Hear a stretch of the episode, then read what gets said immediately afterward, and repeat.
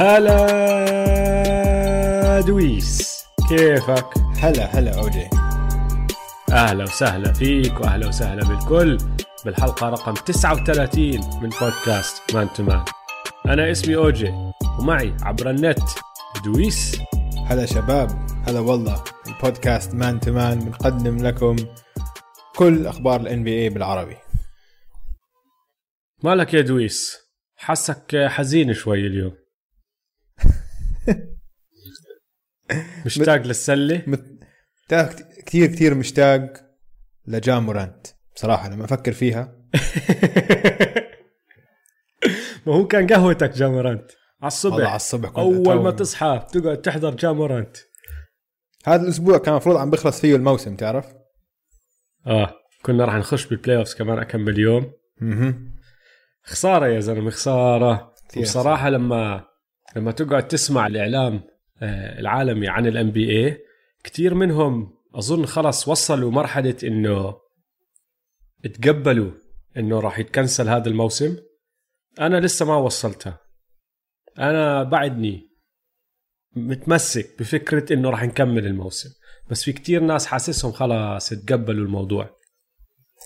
يعني كل أسبوع بمر عم الاحتمالية عم بتقل وعم بتقل. ف مش شكل الأمور. طيبه يا أوجي. ما هو مبين من صوتك يا زلمة. أي حدا بسمعك عارف إنه هذا زلمة مش على بعضه. حزين. حزين. بس ما تخاف. عندنا حلقة حلوة اليوم.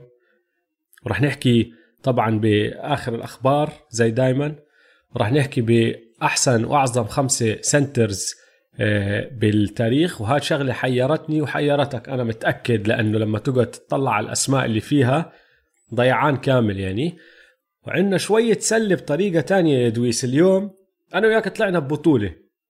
بطولة Man to Man 3 على 3 أيوه. ورح نحكي للكل شو هي هاي البطولة وكيف رح تشتغل وكل مستمعينا رح يكونوا هم جزء كبير منها صح ولا لا؟ واسمعوا يا مستمعينا نحن عشان هيك سألنا السؤال امبارح. في سألنا سؤال على تويتر على إنستغرام. أخذنا استفتاء وأخذنا رأيكم. ففي كتير منكم هيك استغربوا. إنه ليش السؤال؟ مش فاهمين السؤال فعشان هيك السؤال. بتعرفوا فخليكم معنا لآخر الحلقة رح نحكي لكم عن بطولة اللي أنا وأوجي طلعنا فيها عشان حتسلينا. هذا إشي مسلي إنه هون لاسبوعين ثلاثة حنعمل زي playoffs بس على كيفنا. بالضبط. طب ادويس قبل ما نخش بالبطولة بالاعظم خمسة centers آه زي دايما شو اللي صار هالأسبوع بال NBA اسمع عنا خبرين اللي لهم دخل مباشرة بالكورونا. متذكر أول ما أول ما توقف الدوري كان لفريق الجاز عشان جوبير طلع عنده الكورونا. وبتعرف كان عم بتهبل وهيك. وبعديها بكم من يوم طلع الخبر إنه ميتشل دونيفن ميتشل هو كمان معاه الكورونا. فطلعت قصة هذا آه. الأسبوع إنه لهلا دونيفن ميتشل مش عم بحكي مع جوبير وبيقول لك إنه علاقتهم ما في إلها أمل إنها ترجع يصير في إصلاح بيناتهم. فالأمور مش طيبة متخاصمين. عند آه متخاصمين والأمور مش طيبة عند اليوتا جاز والله اسمع تخيل أنت من ورا هالشغلة يصفي هالفريق يا عامل trade لرودي يا عامل trade لدونيفن ميتشل طبعا أنا عم بحكي هذا إذا الجاز ما قدروا يصالحوا بيناتهم بس إذا ما زبطت الأمور واحد من هاللاعبين التنين راح يصفي الفريق شاحنه على محل تاني وراح يكون جاي حدا كبير يعني لأنهم اسمين يعني بيستاهلوا فهمت علي؟ 100% جوبير هو اللي بيطلع مستحيل. جد؟ لو أنت اليوتا جاز ما في أي نقاش. بتخلي دونيفن ميتشل لا. وبتبعت جوبير. أنا لا بالعكس. أحكي لك ليش. الطريقة اللي بتلعب فيها كرة سلة عم تتقدم. بالعكس انت جوبير ما بدك اياه. بالعكس يا زلمة أنا بحكي لك لأنه الطريقة اللي عم بنلعب فيها السلة هي زي ما أنت بتحكي. three ات ومساحات و open pace and space والأمور هاي.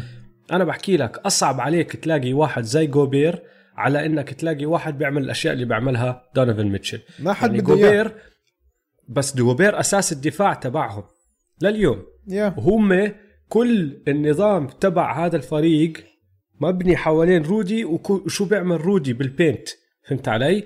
دونيفن ميتشل تقدر تلاقي واحد slasher no man شو three ات أنت عم تحكي. هلا أنت لو أنت مدير اليوتا جاز لازم تقرر بيناتهم لازم تنقي واحد منهم. بتنقي جوبير فوق آه، دونيفن ميتشل؟ ما عم بحكي بنقي جوبير على على دونيفن ميتشل. عم بحكي إنه أسهل علي أجيب واحد بغطي على كل اللي بيعمله دونيفن ميتشل على ما هو إني أجيب واحد بيعمل اللي بيعمله رودي جوبير. مين في بال NBA بيعمل شغل زي رودي جوبير دفاعيا؟ بنعدوا على الأصابع. أنتوني ديفيس يانس مين غيره؟ على على الجهة الدفاعية بس إنه بالضبط. أنا بالنسبة لي أنت على الجهة الهجومية بقدر اعد لك عشرة بيعملوا زي دونيفن ميتشل إذا مش أحسن. بس مستواه الدفاعي بقدر أجيب واحد اللي شوي إنه مش طبعا مش زي رودي. رودي طبعا دفاعه خرافي. لو شوي أسوأ من رودي okay بس بدل ما أدفع بدفع هذا لرودي أنا قديش؟ 22 23 مليون salary بجيب واحد بدفع له 5 مليون سالري any any center وبيكون أسوأ شوي من رودي دفاعيا بس عادي. هلأ لا شوف أنا عم بحكي طبعا قبل ما ينزل ال- ال salary cap و بدون هالأمور هاي. أنا عم بحكي لو إنه ال NBA ضل زي ما هو. امم والدوري وال- والمصاري والرواتب ضلت زي ما هي. ما في المصاري ماشي. طارت لأنه أنا بعرف إنه هلأ لما ينزلوا 100% راح يتغير هذا الموضوع لأنه راح تصفي أنت بكل قرش بدك تعده عشر مرات قبل ما تصرفه. بس ك ك تاثير على الملعب رودي تأثيره أصعب إنك تجيب واحد يعمله من دونيفن ميتشل هاي نقطتي كلها. هلا. بصراحة أنا بتوقع لك الجاز إذا بدهم يبعتوا واحد منهم راح يكون رودي مش عشان طريقة اللعب أو إشي عشان هو اللي خلق المشكلة هاي كلها. لو إنه يعني لو إنه ما قاعد يتهبل ولو إنه ما عدا آه، دونيفن ميتشل وعمل الأمور هاي اللي سواها ما كان زعل منه الفريق أصلا ما كان زعل منه دونيفن ميتشل فممكن شوف. الحركة الذكية تكون إنه آه تمسك رودي وتروح تبعته بمحل تاني. أنا عم بحكي لو إنه ما في كل هالعوامل هاي الخارجية أصعب عليك تلاقي واحد بيعمل شغل رودي من ما هو تلاقي واحد بيعمل شغل دونيفن بس, بس- هاد هاي هي نقطتي. شوف هاي النقطة okay مش غلط هاي النقطة. بس يعني أنت رودي أنا باخذ دونوفن يعني بدون أي نقاش يعني باخذه 100 مرة من كل 100 مرة باخذه فوق آه، رودي عشان أنت نحن شفنا أحسن مستوى رودي ممكن يوصل له. رودي ما حيتحسن. رودي اللي شفناه آخر سنتين ثلاثة هو أحسن نسخة من رودي حتشوفها بالتاريخ. خلاص هذا هو صح، صح، ال max صح، تبعه. صح. أما دونوفن ميتشل ما بتعرف. دونوفن ميتشل يعني لسه بأول س... طلعته لسه هاي تاني سنة. ف... أو ثالث سنة. فلسه دونوفن ممكن يكون سقفه كتير كتير عالي. معك حق بهاي الشغلة بس كمان رودي مش إنه هالزلمة الكبير اللي عجز. عمره 27 سنة ما يعني عجز بس ما حيتحسن. هذا شفنا هذا على مستوى أنا. معك بهاي أنا آه. معك موافقك إنه هاي هو راح يطلع مستواه أكثر من هيك لا.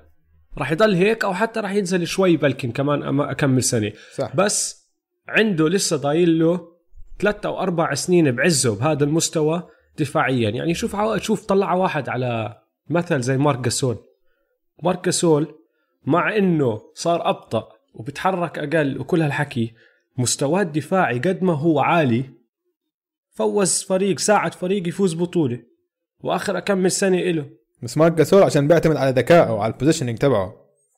رودي جوبير بيعتمد كثير أكثر على قدراته أكثر من إنه لا عقله. تستقل فيه يا زلمة ما بتربح Defensive Player of the Year مرتين ورا بعض بيكون بدون ما يكون أنت عندك ذكاء كمان و positioning ووعي عن شو لازم تسوي.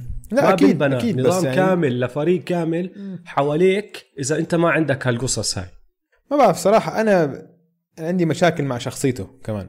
اللي بضحك بالموضوع إنه أنت ما بتحب الجاز أصلا. أنت علي؟ خليه بالجاز أحسن لك. طيب هذا أول خبر كورونا. الخبر الثاني إنه كل الفرق طبعا اتفقت إنه الدرافت تتأجل لاشعار آخر. يعني أكيد ما حيسووا الدرافت بعد شهرين يعني. ف كمان الدرافت أجلت. أنا كنت عم بقرأ إنه قبل ما يأجلوه الدرافت كانوا عم بيحكوا بين بعض الفرق كمان إنه كيف بدنا نشوف اللعيبة.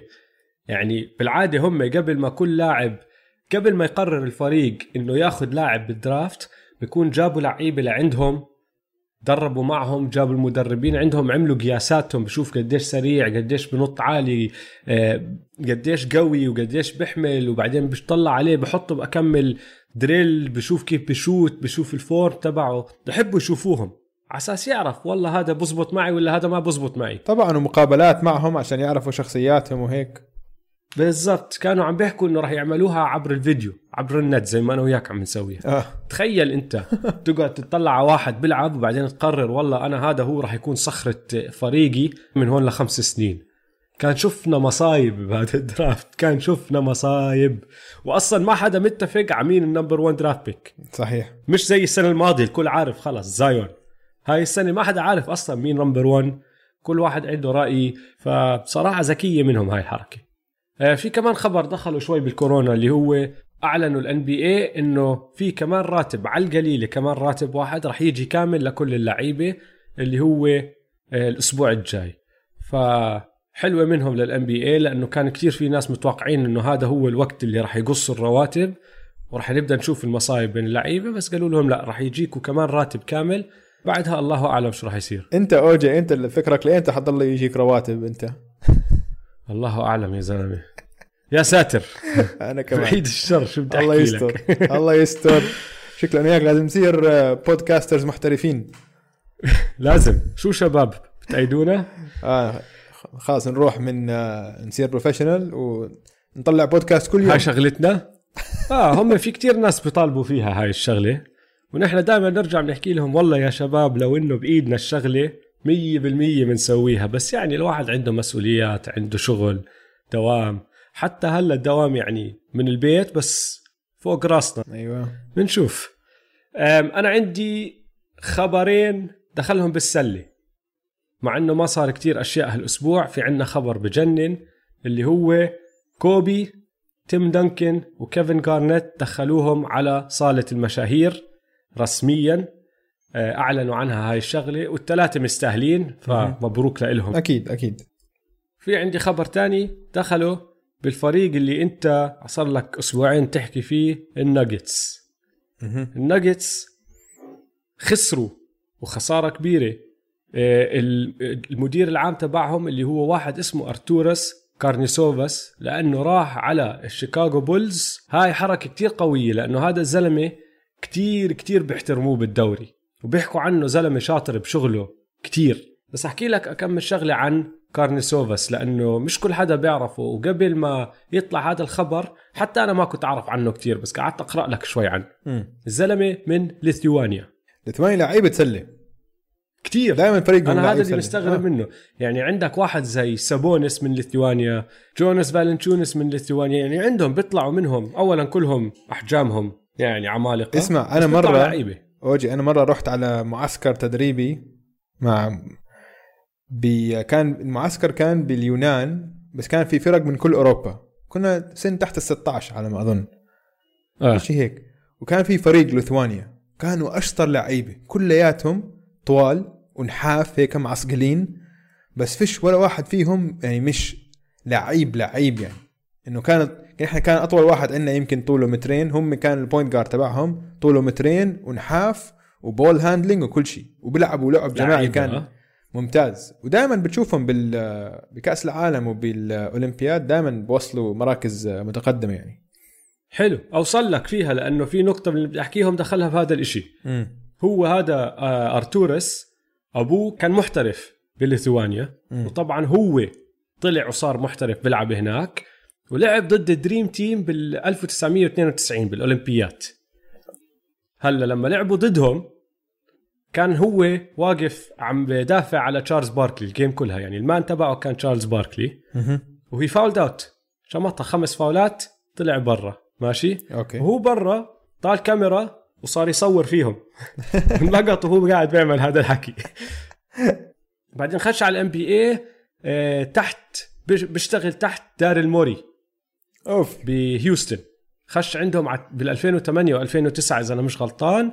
واشتغل ك scout وبعدين طلع شوي شوي لراح على الناجتس وبيقول لك عنده نفس العقلية اللي عنده إياها داريل موري. وال Bulls بيحتاجوا إدارة مرتبة. صار لهم زي ما 20 سنة بدون فريق مرتب. يعني جاهم هالسنتين مع أوكي صار عندهم حظ سيء مع ديريك روز واصابته بس يعني حتى لو صار لهم سنين عم بيجيهم آه، بطاقات متقدمة في ال draft بس كل إجراءاتهم وإدارتهم كتير كتير ضعيفة كتير كتير ضعيفة. مع إنه يعني هم فريق عريق وشيكاغو مدينة يعني من المدن اللي اللعيبة بدهم يروحوا يلعبوا فيها. فهمت علي؟ مية بالمية. مدينة كبيرة ومدينة إلها هيبة يعني بعالم السلة.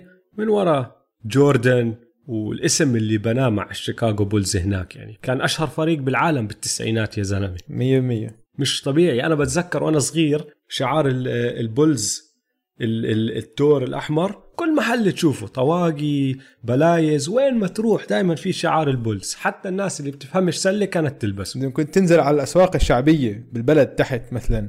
آه. تلاقي هيك إنه محلات عندها شعارات Bulls طبعا كلياتهم تزوير مزورة.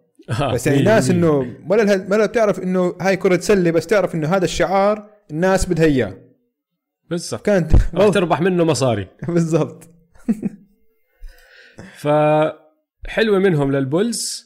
مبروك عليكم. بنشوف شو بيصير طبعا. وخصوصا هلا ما حدا عارف شو وكيف راح يبدأ شغله. قاعد بيشتغل من البيت شو عم بخطط. بس مبروك لأرتورس. حلو. مبروك للبولز. مشجعين البولز أكيد حينبسطوا هاي الشغلة يعني. طيب اسمع كمان خبرين هيك مسليين شوي.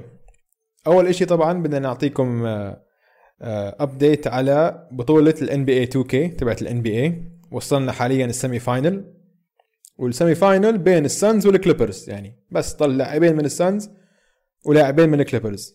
في ال semi-final الأول عندك بوكر ضد مونتريز هيرل وفي س- في semi-final الثاني عندك ايتن ضد بيفرلي طيب هم قسموهم هيك ولا صدفة إنه كل واحد من فريق عم بيلعب ضد الفريق الثاني؟ لا لا هيك صدفت.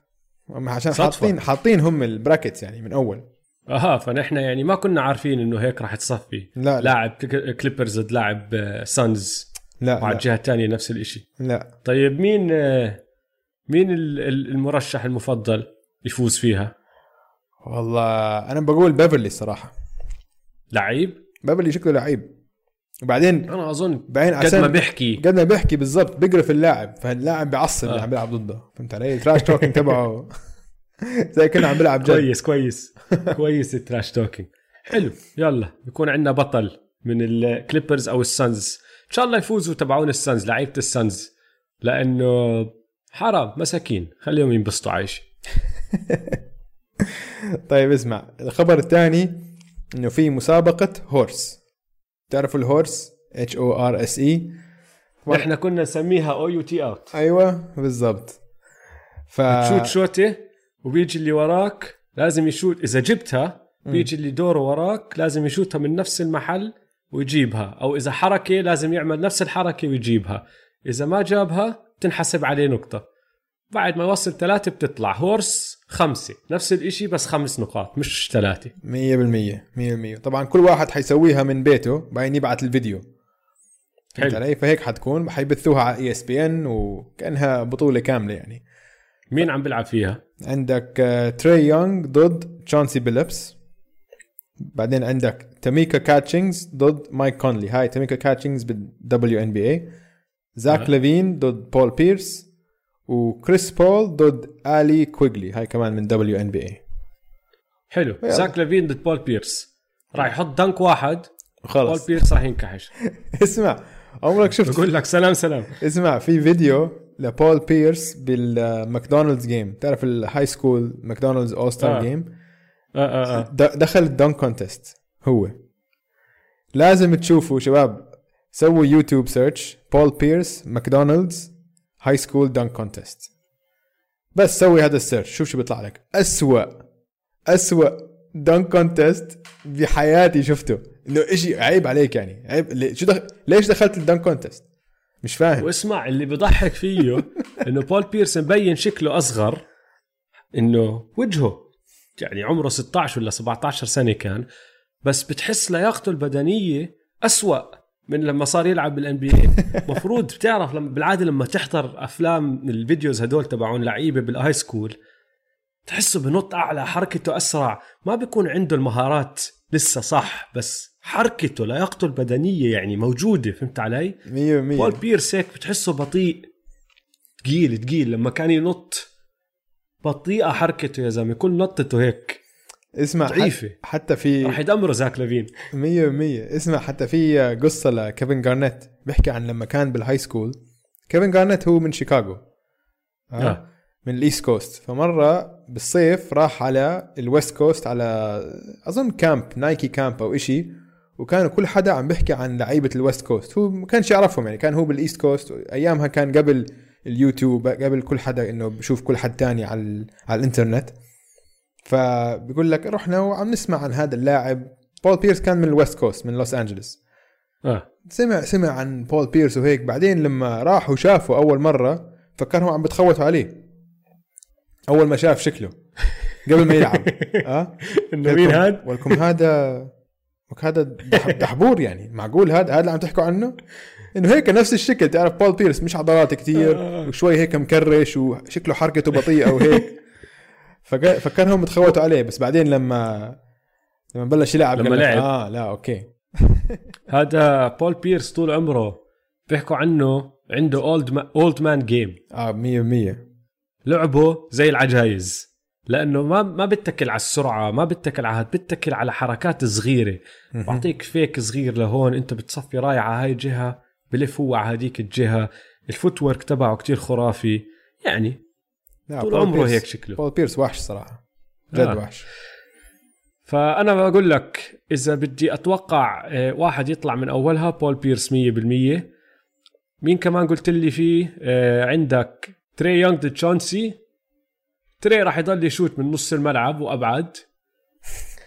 تشونسي يعني تشونسي كان شويت لما كان يلعب بس مش على المستوى اللي نحن بنشوفه هلا فأظن هاي تري باخذها تاميكا كاتشنز ومايك كونلي اظن تاميكا كاتشنز بتفوز أنا انت هيك انت من. اول موسم ضد مايك كونلي انت كل شيء ضد مشان هيك أنا كونلي. بتوقعها تفوز موسم تعبان لمايك كونلي فانا بتوقع راح يخسر وبصراحه كريس بول ضد الي كويجلي ما بعرف آه الله اعلم ما عندي اي فكره كريس بول كريس بول. نحكي كريس بول لا كريس بول موسمه قوي جدا طب جد بيسمحوا لهم يدنكوا لأنه اذا التدنيك مسموح زاك لافين رح يضل يدنك على الكل وما حدا رح يطلع معه راس. لا أظن كله تشويت خلص. بس. بس تشويت؟ أظن هيك ما بعرف. بنشوف يعني بس أظن إذا هيك. بس تشويت إذا ما في تدنيك بول بيرس عنده فرصة عنده أمل. أكيد مستحيل. بول بيرس ما راح يدنك هلا. طيب حلو الحكي. حبيتها حبيتها. يعني ESPN ما شاء الله عليهم كل أسبوع قاعدين بيطلعوا لك بفكرة. عم بيحاولوا. بس عشان يسلونا عارفين إنه نحن مش قادرين نعمل إشي فعم بضلهم يطلعوا بأفكار. عم بيحاولوا. يلا. آه عم بيحاولوا. طيب آه، دويس هالأسبوع آه، ما كان في أشياء كتير مثيرة للاهتمام صارت فما راح أطول عليها. عندي شغلتين. واحدة لاحظت إنه في أكم شخصية حوالين ال NBA عم بربوا شعرهم هالأيام. أولهم صديق البودكاست ري الن شفت شو عمل ولا لا؟ شعره عم بكت يا زلمة. لا. ري الن نص شعره عم بكت والنص الثاني لسه بيطلع. طلع حاطط بوست على انستغرام بيقول لك أنا ما راح أحلق شعري من هون لتخلص هالأزمة أزمة الكورونا. ورجانا شعره بعد أسبوع. أها. نص راسه فش عليه شعر والشعر بيطلع من ورا. والله بضحك شكله. كتير بضحك شكله. حاول يجيب كمان ناس إنه بده شاك يخش معه بده أكتر من لاعب يخش معه. كلهم طرقعوا له. بس هو ماشي بالموضوع عم بربي بشعره. فراح أضل حاط عيني عليه لأنه أظن كتير راح يضحك شكله. وبتعرف ري الن من أول ما خش الام بي اي لليوم نفس الشكل. ما بالضبط. بتلاحظ عليه تغيير. حتى لما أنا وياك شفناه وقعدنا معه عم بطلع عليه بحكي يا زلمة هذا الزلمة حتى كيلو واحد ما زاد. بطته قد راسي. آه آه. 100% ف راح يكون راح يكون حلو الموضوع إنه تشوفه بتغير شكله شوي بيطلع على راسه شعر. فشباب اللي ما عنده ري ألن على الإنستغرام راح يعطيه فولو ويتبع له. ولوكا ربى لحية. شفتها ولا لا؟ لا والله ما شفتهاش. مفروض يحرقها لأنها مش حلوة. مش زي تبعتك هيك مرتبة. تبعت شايف؟ لوكا طالع كل شعره في كل محل. انسى وضعك يا لوكا. روح احلق أنا اسمع هذا إشي مكيف عليه. أنا حاليا أنا بس كنت عم بستنى عذر إنه ما أحلق لحيتي. وهلا لحيتي ما شاء الله عليها. شايف؟ زي ما أنت شايف. أوف. كويسة. شو لحية؟ زلام مش بطالة ها؟ آه آه. كويسة كويسة. خليك قوية. خليك مربيها ونشوف لوين بتوصل. نعب نعب نصير نعبي ال screen بعدين. هيك. إذا صار عندك لحية جيمس هاردن راح أضل أتخوت عليك أنت بتعرف الحكي لأنه أنت أكثر إنسان ضد جيمس هاردن بالحياة بس إذا صار عندك لحيته اسمع أحكي لك شغلة عن جيمس هاردن. هذيك اليوم واحد ببعث لي واحد على إنستغرام ببعث لي صورة جيمس هاردن مع أريزونا ستيت. فأنا بتعرف أنا بتعرفني ما بحبوش لجيمس هاردن. وبس. ما عمريش بعرفش ليش بعرف إنه هو كان بأريزونا ستيت أريزونا ستيت هم النظير تبع جامعتي يعني عندك University of Arizona وعندك العدو الأول تبعهم أريزونا ستيت آه. أنا ولا عمري ربطت بين اثنين ولا عمري ربطت بكرهي لجيمس هاردن لأنه هو كان بالجامعة اللي أنا بكرهها أكثر جامعة اللي هي أريزونا ستيت هي العدو تبع جامعتي كانت فبعرفش كيف بعرفش كيف هلأ لاحظت وربطت. الشغلتين مع بعض فهمت علي؟ مشان ف- هيك كنت تكرهه أنت. ال subconscious تبعك كان يحكي لك اكره جيمس هاردن بالضبط. بس أنت مش عارف ليش. بالضبط. هلا هلا عرفت ليش. حللت ليش. هلا عرفت آه. ليش 100% بينت بينت واضحة. طيب آه، الإشي الثاني المثير للاهتمام كان إشي حكاه جيسون تيتم. okay. سألوه بمقابلة قالوا له يا جيسون تيتم نقي أحسن لاعب بال NBA حاليا بكل مركز. قال لهم ماشي. نقى. point guard ستيف shooting guard جيمس هاردن small forward لبرون power forward انتوني ديفيس و center جويل امبيد مين ناقص يانس طبعا. يعني امبيد فوق يانس مستحيل. بالضبط. أنا معك. حط يانس فوق امبيد فهذا هذا هذا كان اختيار مثير للاهتمام ولازم نحلل عليه. دورت أشوف إذا في إشي بيناتهم هيك. أنا أظن بس هو مقهور لأنهم كحشوهم من ال playoffs السنة الماضية. 100% 100% زعلان. 100% وبس بصراحة بقول لك كان أسبوع ما فيه أشياء كتير صارت مثيرة للاهتمام. حتى يعني الربحانين والخسرانين هالأسبوع عندي بس أكم نقطة. على السريع. ربحانين زاك ليفين تعرف ليش؟ ليش؟ لأنه عم بدخل على كل إشي ممكن يصير بعالم ال NBA كل مسابقة عم بيعملوها ESPN قاعد بيقول لك أنا بدي أخش. فأنا مبسوط عليه. خليك هيك خليك مبسطنا يا زاك لافين. خش على ال 2K tournament هلأ خش على ال HORSE tournament لعب شوي على انستغرام مع كلبه. يعني منيح. خليه في عنده هيك في عنده حضور. بهالأيام هاي وأنا مبسوط عليه. فزاك لافين معطيه أنا لقب ربحان هذا الأسبوع. وأنت كمان لتاني أسبوع ربحان. دويس ربحان هالأسبوع. ها؟ ليش؟ الأسبوع الماضي حكيت عنك ربحان لأنك اقترحت فكرة. راح ال- الإعلامي براين ويندهورست حكى إنه والله ال NBA عم بفكروا فيها هاي الفكرة. اللي هي الجزيرة واللعيبة على الجزيرة احبسوهم وخلوهم يلعبوا صح؟ حلو. أها. فبودكاست الأسبوع الماضي رحت أنت اقترحت إنه نرجع السونيكس. وأنا حكيت عنك بديت تضيع. الضايع الأول بعالم ال NBA راح اقترح اقترح نفس الإشي هالأسبوع كيفن جارنيت. فأنت ربحان لتاني أسبوع ورا بعض. دويس أفكارك عم توصل للناس. شايف؟ أنا هذا اللي حابه فيك. أفكارك عم بتروح بعيد. ما أنا بقعد بفكر اوجي أنا قاعد آه. بالبيت صحيح بس بفكر دائما دائما المخ قاعد يشتغل. فهمت علي؟ مثلا السونيكس خطة كاملة. إنه بس جاهزة متخ- إنه يلا أنت اللي بده إياها مثلا هي بس ناقصها واحد مثل جارنيت اللي هو موجود. حاليا هناك يمشي الموضوع. خلص هيو جاهز هيو إن جاهز شاء وحاب الله الموضوع. لما يرجع الموسم بيكونوا فريق السوبر سونيكس موجودين. آه، الخسران الوحيد عندي فريق ال Phoenix Suns لأنه أنا ما عم بتبع ال 2K tournament زيك بس عم بحضر هون لقطات هون وهناك. ديفن بوكر كان عم بيلعب ضد مايكل بورتر جونيور. فمايكل بورتر جونيور بقول له طيب شو رأيك أنا ألعب بالناجتس وأنت تلعب بال Suns؟ صار يضحك وقال له nah لو أنت لاعبك أهم لاعب وأفضل لاعب عندك بالفريق ما بده يلعب فيك في مشكلة. ففريق السانز خسران هالأسبوع. وبس. بصراحة. أسبوع أسبوع مش كتير حافل كان. طيب اسمع نوصل للموضوع اللي أنا متحمس أحكي عنه اللي هو أحسن خمسة centers بتاريخ ال NBA حلو.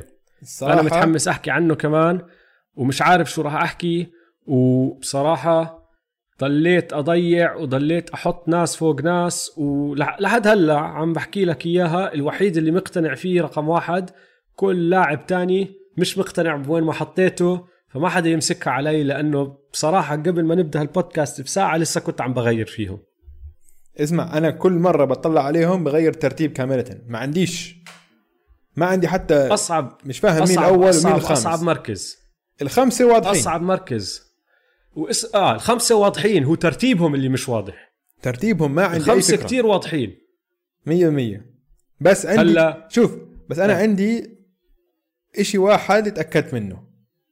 إيش؟ إنه في لكل واحد منهم عنده نقطة ضعف. إلا واحد منهم. إلا واحد منهم.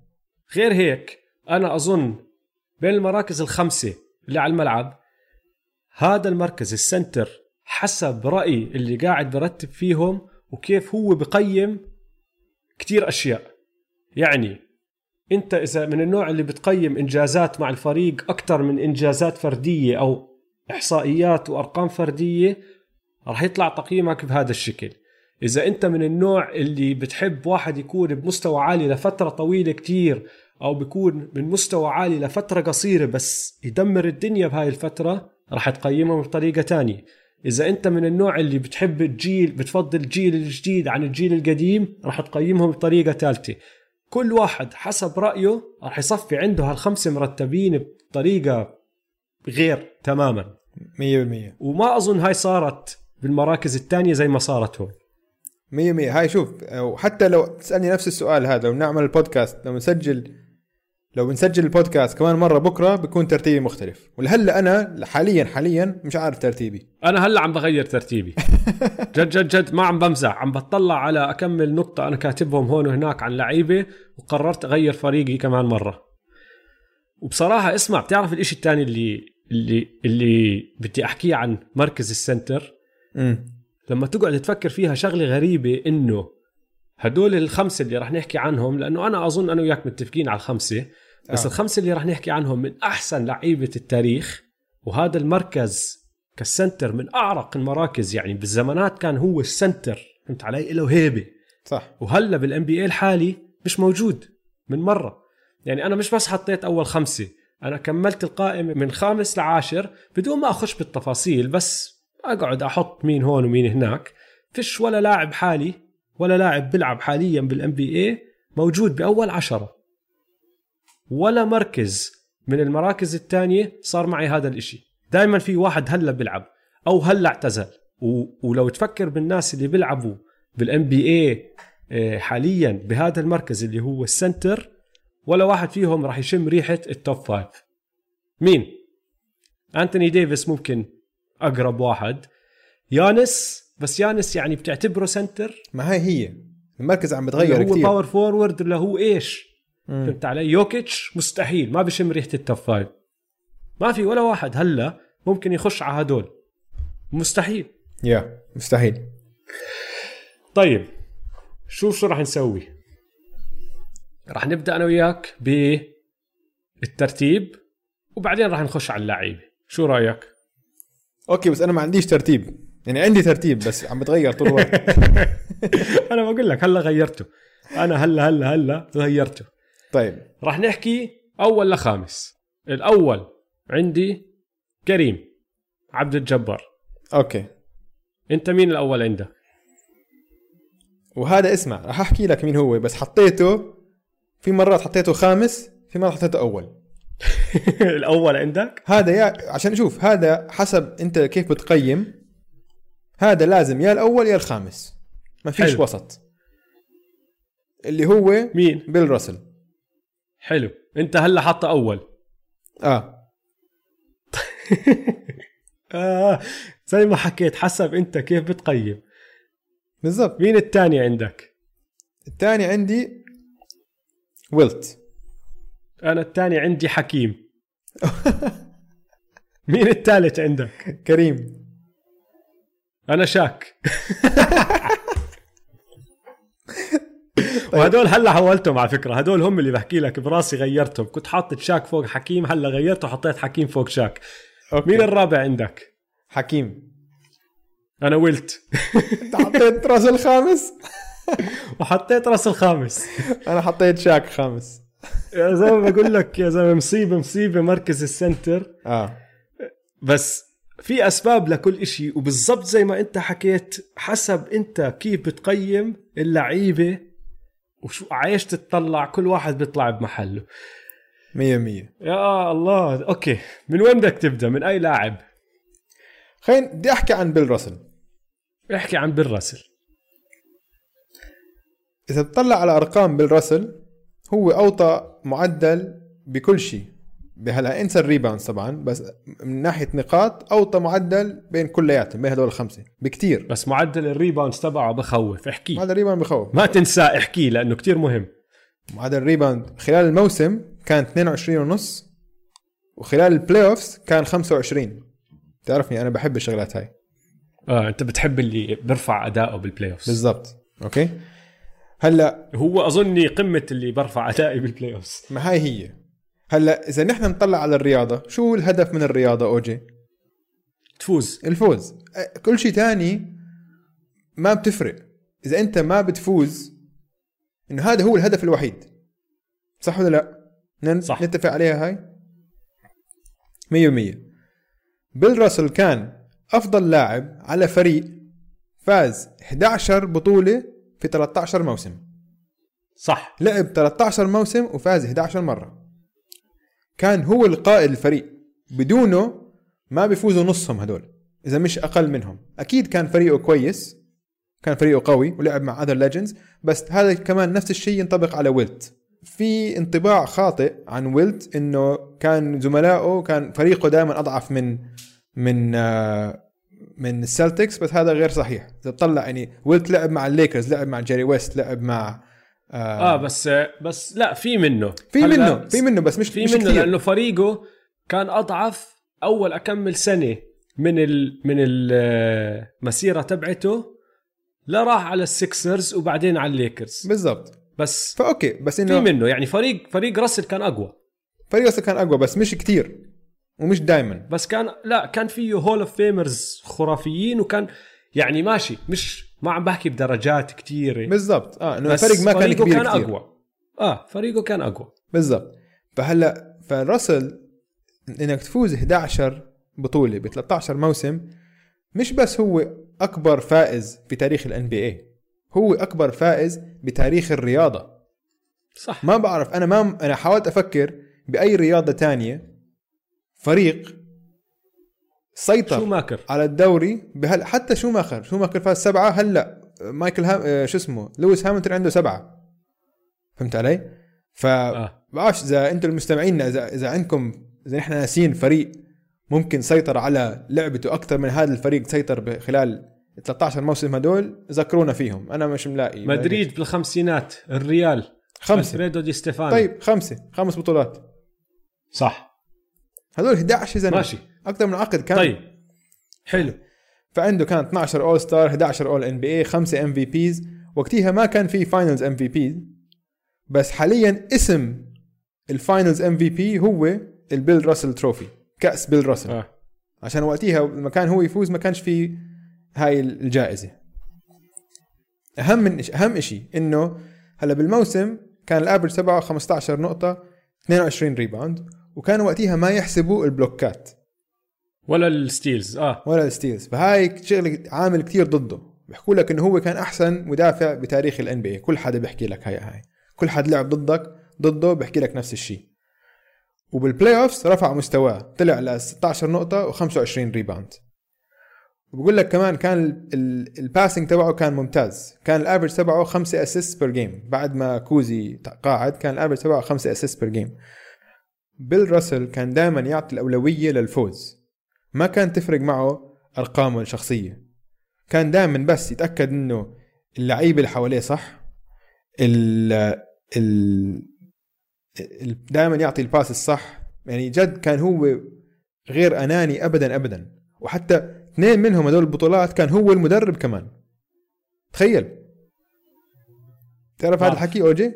بعرف. player coach آخر سنتين player coach رد سنتين. باك آه حاططها أنا عندي آه، كنقطة إنه الزلمة فاز بطولتين وهو قاعد بيلعب وبدرب بنفس الوقت.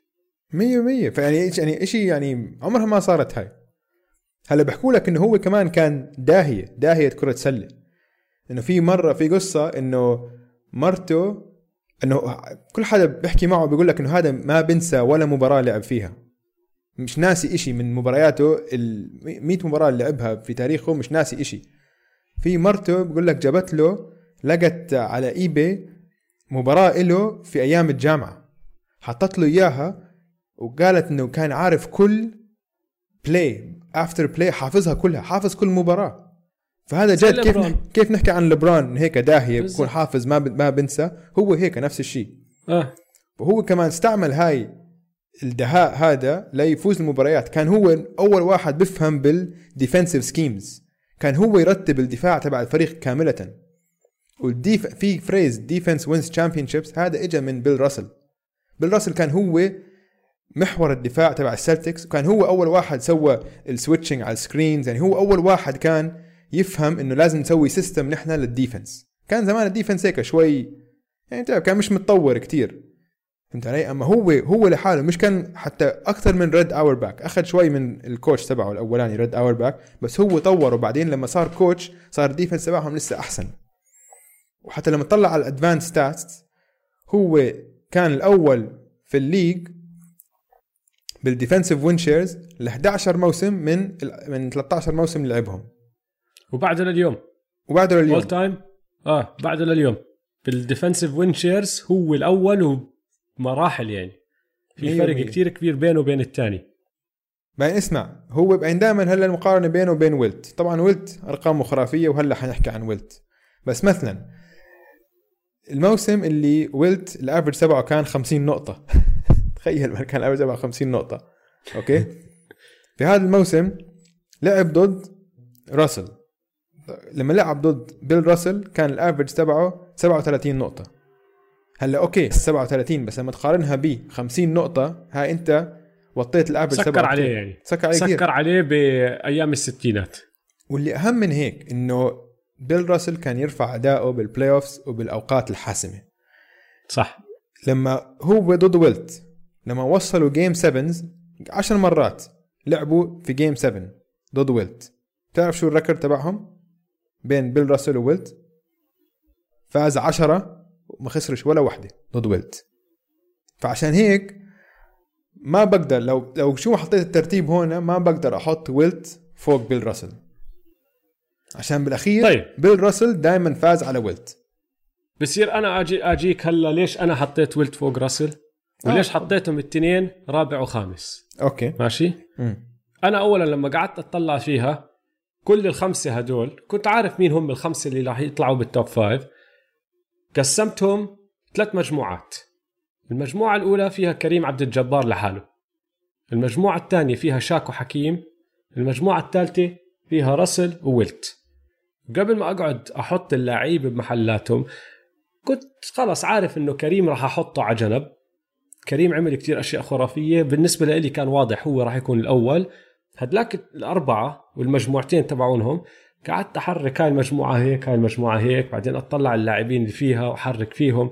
بالآخر صفيت حاطط راسل وويلت رابع وخامس وحكيم وشاك آه، تا- تاني وثالث عشان الزمن اللي لعبوا فيه بالستينات وعشان الأشياء اللي عملوها بالزمن اللي لعبوا فيه. وهلأ راح أدخل بهاي التفاصيل بس هم كتير كانوا ك ك لاعبين كانوا كتير أكبر وأسرع وأضخم وأقوى من كل حدا عم بيلعبوا ضده.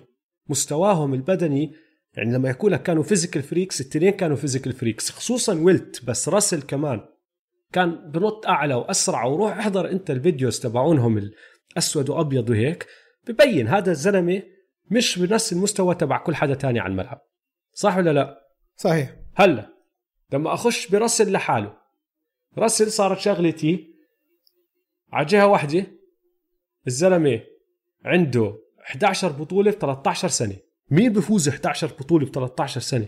بعدين كان زي ما أنت حكيت هو قمة الفوز. إذا أنت بدك تحكي عن واحد winner واحد بفوز كان راسل. صح ولا لا؟ ما. عنده ال ال ال شغلة الأرقام الفردية هاي ما بتدخل راسه ما كان يهتم أنا أحط scoring أكثر من هيك ولا أنا أعمل هيك. هو كان يعمل اللي لازم يعمله عشان فريقه يفوز زي ما أنت حكيت. كان يضحي بأرقامه ويعمل بالضبط اللي لازم يسويه 100% فهاي على هاي الجهة. بس على الجهة الثانية دمر الدنيا بجيله بس فريقه كان مدمر الدنيا معه. وفريقه كله hall of famers هافليتشك كيسي جونز تومي هاينزن مليون واحد. سام جونز سام جونز كان scorer مدمر. كانوا كلهم لعيبة كتير كتير كتير مستواهم كفريق مع بعض أعلى من أي حدا تاني عم بيلعبوا ضده. وويلت على راسي وعيني زي ما أنت حكيت. فريقه كان فيه ناس لعيبة هال جرير وبعرفش مين وبعدين خشوا عليه جيري ويست ولعب مع ناس ألجن بيلور إنه ناس hall of famers بس أول أكمل سنة له كان لحاله. أو ما كان مستوى فريقه زي هدول. هدول ما عم تحكي عن واحد مع راسل ما عم تحكي عن السلتكس واللي هم بيل راسل وواحد. عم تحكي عن بيل راسل وخمسة. كان أحسن coach معهم كان كل إشي أحسن إشي. فهو لعب بزمن ما كان حدا يقدر ينافس. يعني طبعا لازم تفوز أنت هال 13 بطولة. فبالآخر اكتفيت إني أنا أحطه هون لأنه بصراحة أي إنسان عنده 11 بطولة لازم يكون top five يعني ما بتقدر تحكي لا. بس لأنه فاز ال 11 بطولة مع فريق بدمر الدنيا بالستينات. يعني انت عم تحكي عن عم تحكي عن الوريورز مع دورانت وكلاي وستيف ودريمن وزيد عليهم كمان ثلاثة. عم بيلعبوا بزمن ما في غير كمان أكمل فريق بال NBA ولا واحد طالع راس معك. دمروا الدنيا. نحن هلا نحكي لك الوريورز فازوا هالبطولتين ويا زلمة طبعا راح يفوزوا هالبطولتين. كانوا فريق كتير سفاح وكتير أعظم من كل حدا تاني. هيك كانوا السلتكس تبعون راسل. مشان هيك بس حطيته خامس. وإذا بدك خلينا نخش على ويلت هلا. يلا خلينا نخش على ويلت ويلت راح أبدأ لك بأرقامه ماشي؟ مم. وبعدين راح أحكي بالأشياء الثانية معدلة لما اعتزل 30.1 نقطة 22.9 rebounds بالمباراة 4.4 assist وأيامها زي ما أنت حكيت ما كان في لا blocks ولا آه، steals ما كانوا يحسبوهم ماشي؟ اسمع بس بدي. شغلة بدي أحكي شغلة عشان هذيك المرة لما حطيت آه، post على مايكل جوردن وحكيت إنه هو أعلى معدل تسجيل. واحد قال لي لا هو متعادل مع ويلت. قلت له لا لو سمحت. ويلت 30.08 مايكل 30.12 فإذا آه في فرق كتير صغير. في فرق بس في فرق. صح. آه آه. لا لا صح. 100% أنا معك بهذا الإشي. آه. فاز بطولتين. فاز finals MVP ب 72 وفاز ال MVP أربع مرات. 13 all star game آه لعب بال بال all star game 1960 وفاز ال MVP فيها. طلع all NBA 10 مرات سبعة منهم first team طلع all defensive مرتين. طلع ال rookie of the year سبع مرات فاز ال scoring title أفضل مسجل. و11 مرة فاز ال rebounding title ومرة فاز ال assist وهاي الشغلة كتير بتضحكني لأنه السبب الوحيد اللي فاز فيها ال assist إنه كل حدا صار يحكي عنه أناني. فال coach تبعه راح قال له طيب ورجي الناس إنه أنت مش أناني وصير أنت المتصدر بال assist لهاي السنة. وراح عملها. فهمت علي؟ آه. هلأ إذا بدك تحكي عن أرقام وإحصائيات بدون إشي تاني ما حدا بقرب عليه. مش صحيح. بس بالسلة بأي رياضة بالعالم. آه ما حدا بقرب على ارقامه وإحصائياته لما تطلع عليهم على المستوى اللي هو عمله بالنسبة لكل حدا تاني. اسمع. مستحيل يا زلمة. بمو... بموسم 62 ال average تبعه كان 50 نقطة. و25 rebound حط 100 بمباراة. 50 نقطة هذاك الموسم. في موسم حط فيه 50 نقطة بالمباراة 45 مرة. تعرف إنه بكل تاريخ ال NBA في لاعبين فقط عندهم أكثر من 20 مباراة بسجلوا فيها 50 نقطة. MJ وكوبي.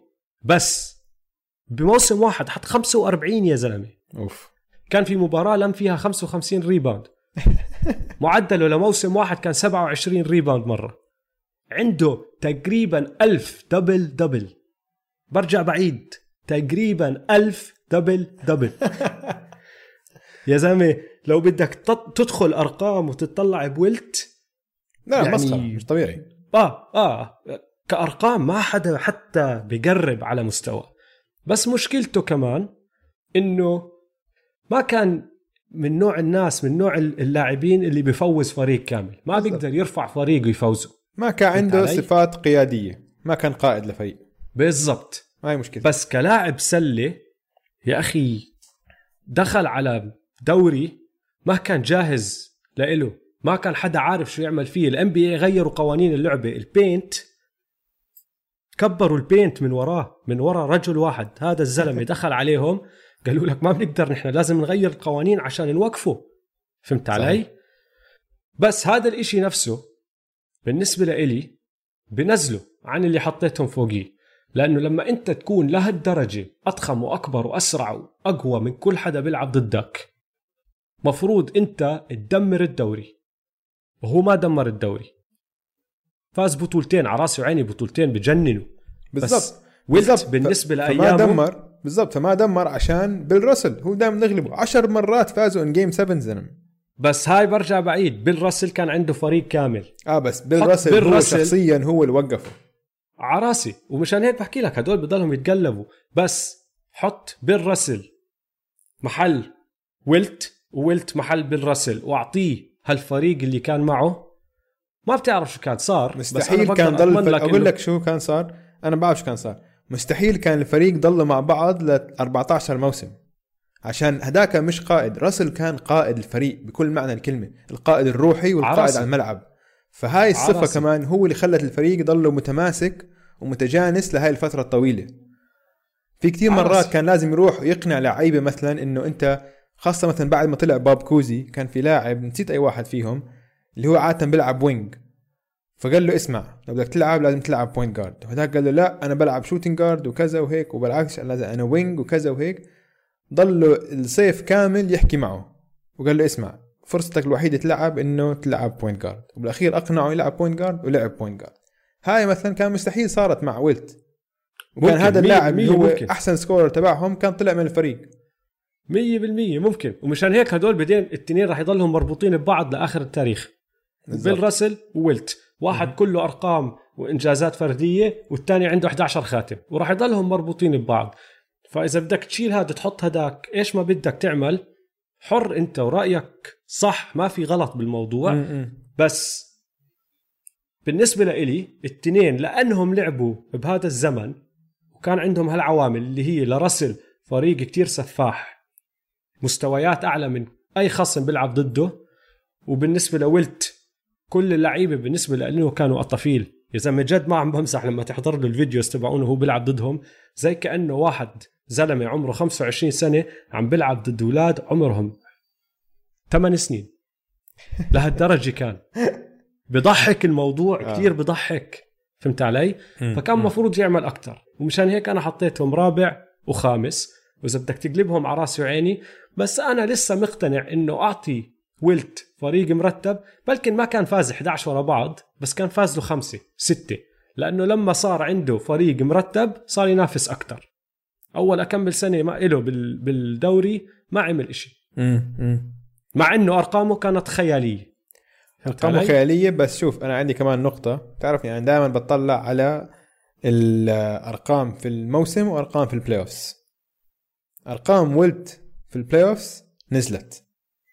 عندك كان بال season كان معدله 30 نقطة و23 rebound بال playoffs 22 نقطة و24 rebound هاي عامل كتير مهم نزلت. عشان بال playoffs تعرف ال playoffs هو اللعب الجد. صح. الموسم انت بتلعب لتوصل ال playoffs ال playoffs وقتها بيكون كل الدفاع خاصة الدفاع بيكون مركز. فهمت علي؟ فهاي عامل كتير ضده فأنا عشان هيك حطيته تحت راسل ماشي. حقك. حلو. طيب. هلا وين بدنا نخش؟ اسمع بنخش عشان أنا كريم حاطه الثالث وأنت حاطه الأول. فخلينا نحكي عن كريم. طيب أرقام. خلص مسيرته معدلات 24.6 11.2 rebounds 3.6 assist 2.6 blocks وتقريبا 56% field goal percentage فاز البطولة ست مرات. فاز finals MVP مرتين. فاز ال MVP ست مرات ما حدا قده. أها 19 مرة طلع all star والسنة الوحيدة اللي ما طلع فيها all star اللي هي 1978 كسر إيده وما لعب 20 مباراة ومشان هيك ما طلع all star كان طلع هذيك السنة 100% طلع all NBA first team 10 مرات second team خمس مرات طلع all NBA defensive first team خمس مرات و second team ست مرات. rookie of the year بال70 فاز لقب التسجيل مرتين فاز لقب ال rebounding مرة بال 76 أربع مرات فاز لقب ال blocks وإذا بدك تزيد على هدول الأشياء أظن أحسن لاعب college بتاريخ لعبة ال college آه شو بدك تحكي؟ عمل كل شيء ممكن واحد يعمل. واسمع عندك طبعا هو الأول بتاريخ ال NBA بعدد النقاط المسجلة. هو الأول بعدد النقاط المسجلة وعنده MVPs أكثر من أي حدا وعنده win shares أكثر من أي حدا. ثالث all time blocks وثالث rebounds يعني إحصائياته بتجنن. وبصراحة الاستمرارية تبعته تهبل. الست مرات اللي فاز فيها ال MVP من ال 71 لل 80 يعني في عندك عقد كامل كان خلص هو مسيطر على الموسم وفاز أول finals MVP بال 71 وثاني finals MVP بال 85 آه. 14 سنة بيناتهم. آه. فهمت علي؟ فظيع الزلمة. يعني و... وال sky hook لليوم معروفة. top 5 most unstoppable moves إذا بدك حركات ما بتقدر توقفها. لا هي ال top 1 هي أكثر ممكن. حركة ما بتقدر توقفها. صح. ما لها حل. مستحيل تدافع على الس... على ال sky hook تقدرش. بالضبط. No. بالضبط. السبب الوحيد اللي ما بنحكى أنا برأيي اللي ما بنحكى عنه كجوت على مستوى جوردن ولبرون إنه هو بيجي بعدهم بشوي أنا بالنسبة لي يجي بيجي بعدهم على طول مم. بس السبب الوحيد لأنه من كل البطولات اللي فازها هو فاز ستة في أربعة أو ثلاثة حسب أنت شو بدك تحسب ما كان هو قائد الفريق كان ماجيك فهمت هو علي؟ شوف. كان هو آه. السكند بنانا بس مية بالمية هاي هاي أنا حاطها قلت لك كيف كل واحد لقيت له نقطة ضعف كتير وكتير مهمة وما بنقدر إنه ما نحكي عنها كريم آه. عبد الجبار شخصيته ما كانت قوية وما كان قائد فريق كمان. كان كتير يتصعب يبني علاقات مع آه، زملائه بالفريق. فهاي كمان أثرت عليه كقائد. فما عمره هو كان ماسك فريق وقائد فريق يعني. ولهلا كل ما تسمعه هيك بيحكي هيك شخصيته غريبة هو فهمت علي؟ آه على راسي. بس إنجازاته؟ آه إنجازاته غير طبيعية 100% يعني يعني عكس ويلت ويلت هلا حكينا كيف شخصيته أثرت على الفوز وكان فاز أكثر لو شخصيته غير شوي. كريم عبد الجبار حتى مع هاي الشخصية عمل كل هذا الحكي فما. بتقدر تعاقبه عليها يعني فهمت علي صحيح. يعني الزلمة فيش إشي على ملعب سلة ما سواه ولا إشي فأنا بالنسبة لي حطيته أول بس حق. بقول لك عندي الثالث حاطه حر أنت تحطه ثالث تقدر تحطه اسمع خامس هاي كلها بقدر تاني. الخبطها كلها. الترتيب هذا كله. بقدر أغيره هلأ. طيب آه، شاك و- وحكيم. كتير في مقابلات لشاك. بيحكوا له مين ال all-time top five تبعونك؟ starting five ودائما بحط حكيم center آه. فاذا شاك نفسه عم بحط حكيم أنا راح أحط حكيم عشان هذا السبب وهذا هو السبب الوحيد. والله أنا كمان أنا حالا أقول لك ليش. أنا حاط حكيم فوق شاك لسببين إيش؟ أول إشي إنه هو الوحيد اللي فاز بطولة خلال عقد مايكل جوردن. يا عيني عليك أنا هاي حاطتها النقطة للعلم. ومش بس فاز بطولة فاز بطولتين. أنا هاي كنت حاطتها bonus points لازم نزيد لازم نرفعه شوي لأنه مية لما. ترك جوردن صار في فرق من كل محل عم تطلع على هالبطولة وهذا الموسم كفرصتها. أنا هذا الموسم بقدر أنا أفوز الدوري مايكل جوردن مش موجود. ولا واحد فيهم سواها غير حكيم. مرتين. بالضبط. مرتين. فأنا معك 100% وفاز غير هيك على للعلم آه. بدي بدي أزيد عليها بس شغلة اللي هي مش إنه فريقه كان كتير أحسن من كل هالفرق الثانية للعلم. الفريق اللي فاز أول بطولة أحكي لك مين starting five تبعونهم. حكيم أوتيس ثورب فيرنون ماكسويل روبرت هوري وكيني سميث بالضبط. ولا واحد فيهم لليوم دخل ال Hall of Fame ما عنده كان كوبي وما عنده دوين ويد. ما عنده حدا. بالضبط. بال 94 بعد ما فازوا أول بطولة جابوا دركسلر فالبطولة الثانية اللي هي بال 95 كان معهم كلايد دركسلر بس البطولة الأولى موسم 93 94 وبطولة ال 94 ما معه حدا واسمع ودركسلر كان وقتها طالع من عزه يعني فهمت علي؟ آه. ما كان آه. بعز قواه يعني أما شاك الاربعه champions اللي ربحهم ثلاثة كان مع كوبي وكوبي كلياتنا بنعرف إيش كوبي والرابعة كان مع دوين ويد اللي هو كان ال finals MVP وهذيك بطولة دوين ويد 100% 100% يعني شاك كان ال average تبعه بال finals سنتها كان 13 نقطة بال game فهمت علي؟ خلينا نحكي خلينا نحكي أرقامه مم. لحكيم ماشي. خلينا نحكي أرقام حكيم مم. معدلاته 21.8 11.5 rebounds 2.5 assist وركز معي على هدول الرقمين 1.7 steals و3.1 blocks ثلاثة خصوصا ال blocks. 1.7 steals ال blocks على راسي وعيني هو متصدر آه، قائمة أكثر blocks بتاريخ ال NBA فرق كتير كبير. بس ال 1.7 steals مهم كتير لأنه الزلمه big man وبالعادة ال big man ما بوصلوا لهاي الدرجة. 100% هو بال بال all-time عاشر بال steals هو ال big man ال center الوحيد بال top 10 بال steals خرافي خرافي. فاسمع فأنا شلت عشان هو كان لازم يعتزل قبليها بسنة أو سنتين. قبل باخر عشان آخر ثلاث مواسم خلص ختير بين راح على ال Raptors يعني الناس بنسوا إنه لعب بال Raptors كمان لمدة موسم. خلاص في هاي كتير اسمع معظم اللعيبة هيك شاك نفس الشيء كمان. إنه استنوا كتير ليعتزلوا الوحيد آه. اللي ما سواها اللي هو آه بيل راسل. بيل راسل آخر موسم ربح championship وطلع. صح. 13 موسم. كلياتهم ال centers بيستنوا بيطولوا موسمين ثلاثة زيادة وبيوطوا كل معدلاتهم. مثلا ويلت تشامبرلين. يعني كيف خلص ب 30 نقطة؟ ال average تبعه. عشان يطول. لعب أك... أك... لعب أكمل سنة بالآخر ما كان مفروض يلعبهم. كان. مكسر وركب... ركبه ماكلين هوا و... آه. بالضبط. فلما نطلع على العز تبع حكيم اللي هم من 85 ل 99 14 موسم كان 23.6 نقطة 11.8 rebounds 3.3 blocks و1.8 steals على نفس المدة هاي بال playoffs وهاي طبعا تعرفني نعيد ونزيد آه. هاي أهم إشي. بال playoffs أنت بترفع مستواك ولا بتنزل مستواك؟ بال playoffs شوف هالأرقام man 27 point ال rebounds نفس الشيء ال blocks نفس الشيء وال steals نفس الشيء ضلوا 11.7 rebounds 3.4 يعني شوي أعلى ال blocks 3.4 أعلى من 3.3 وال steals 1.7 وهديك 1.8 بس يعني الزلمة كان يرفع مستواه بال playoffs بالأوقات الصعبة. وطبعا ال two championships و two finals MVPs ما كان في أي صح. حكي يعني. اسمع two champion ships two finals MVP طلع MVP كمان بال 94 امم 12 مرة all-star بال All-NBA طلع ست مرات first team ثلاث مرات second team ثلاث مرات third team طلع مرتين defensive player of the year وهي مهمة لأنه هلأ رح نخش فيها. آه. النقطه هاي. طلع خمس مرات all-defensive first team وأربع مرات second team وطبعا تصدر قائمة ال- ال rebounding سنتين. وثلاث مرات قائمة ال blocks وهو اللاعب الوحيد بتاريخ ال NBA اللي فاز MVP و defensive player of the year و finals MVP بنفس الموسم. ما عمرها صارت غيره.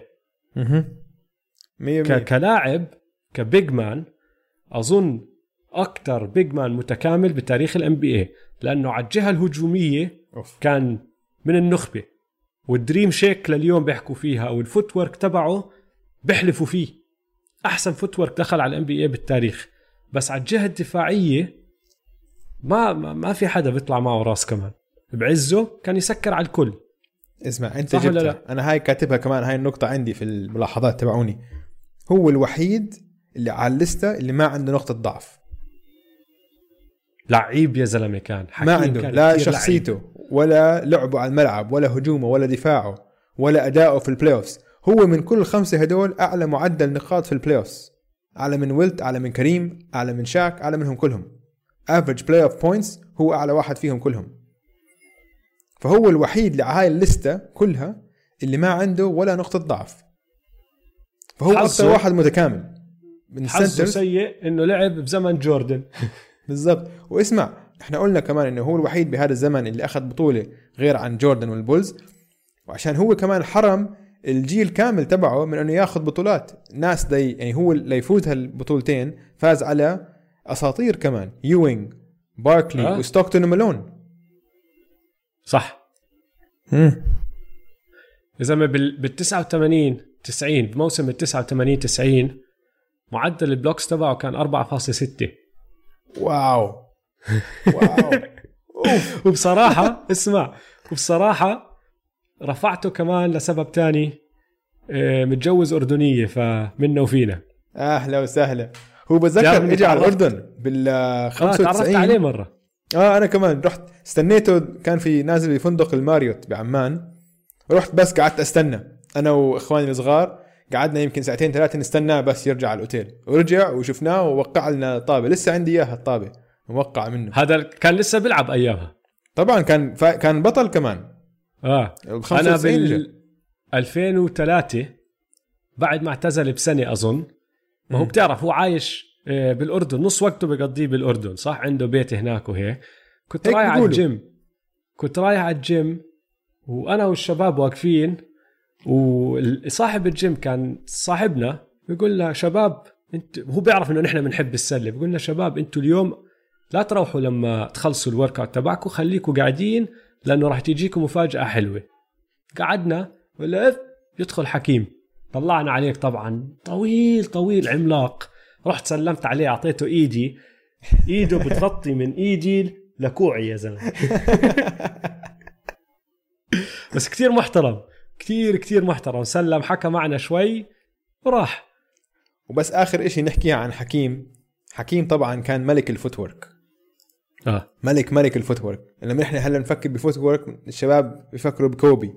كوبي من مين تعلم ال footwork من حكيم. كان يحكي مع حكيم يسأل عن ال footwork تخيل كان لاعب center حكيم.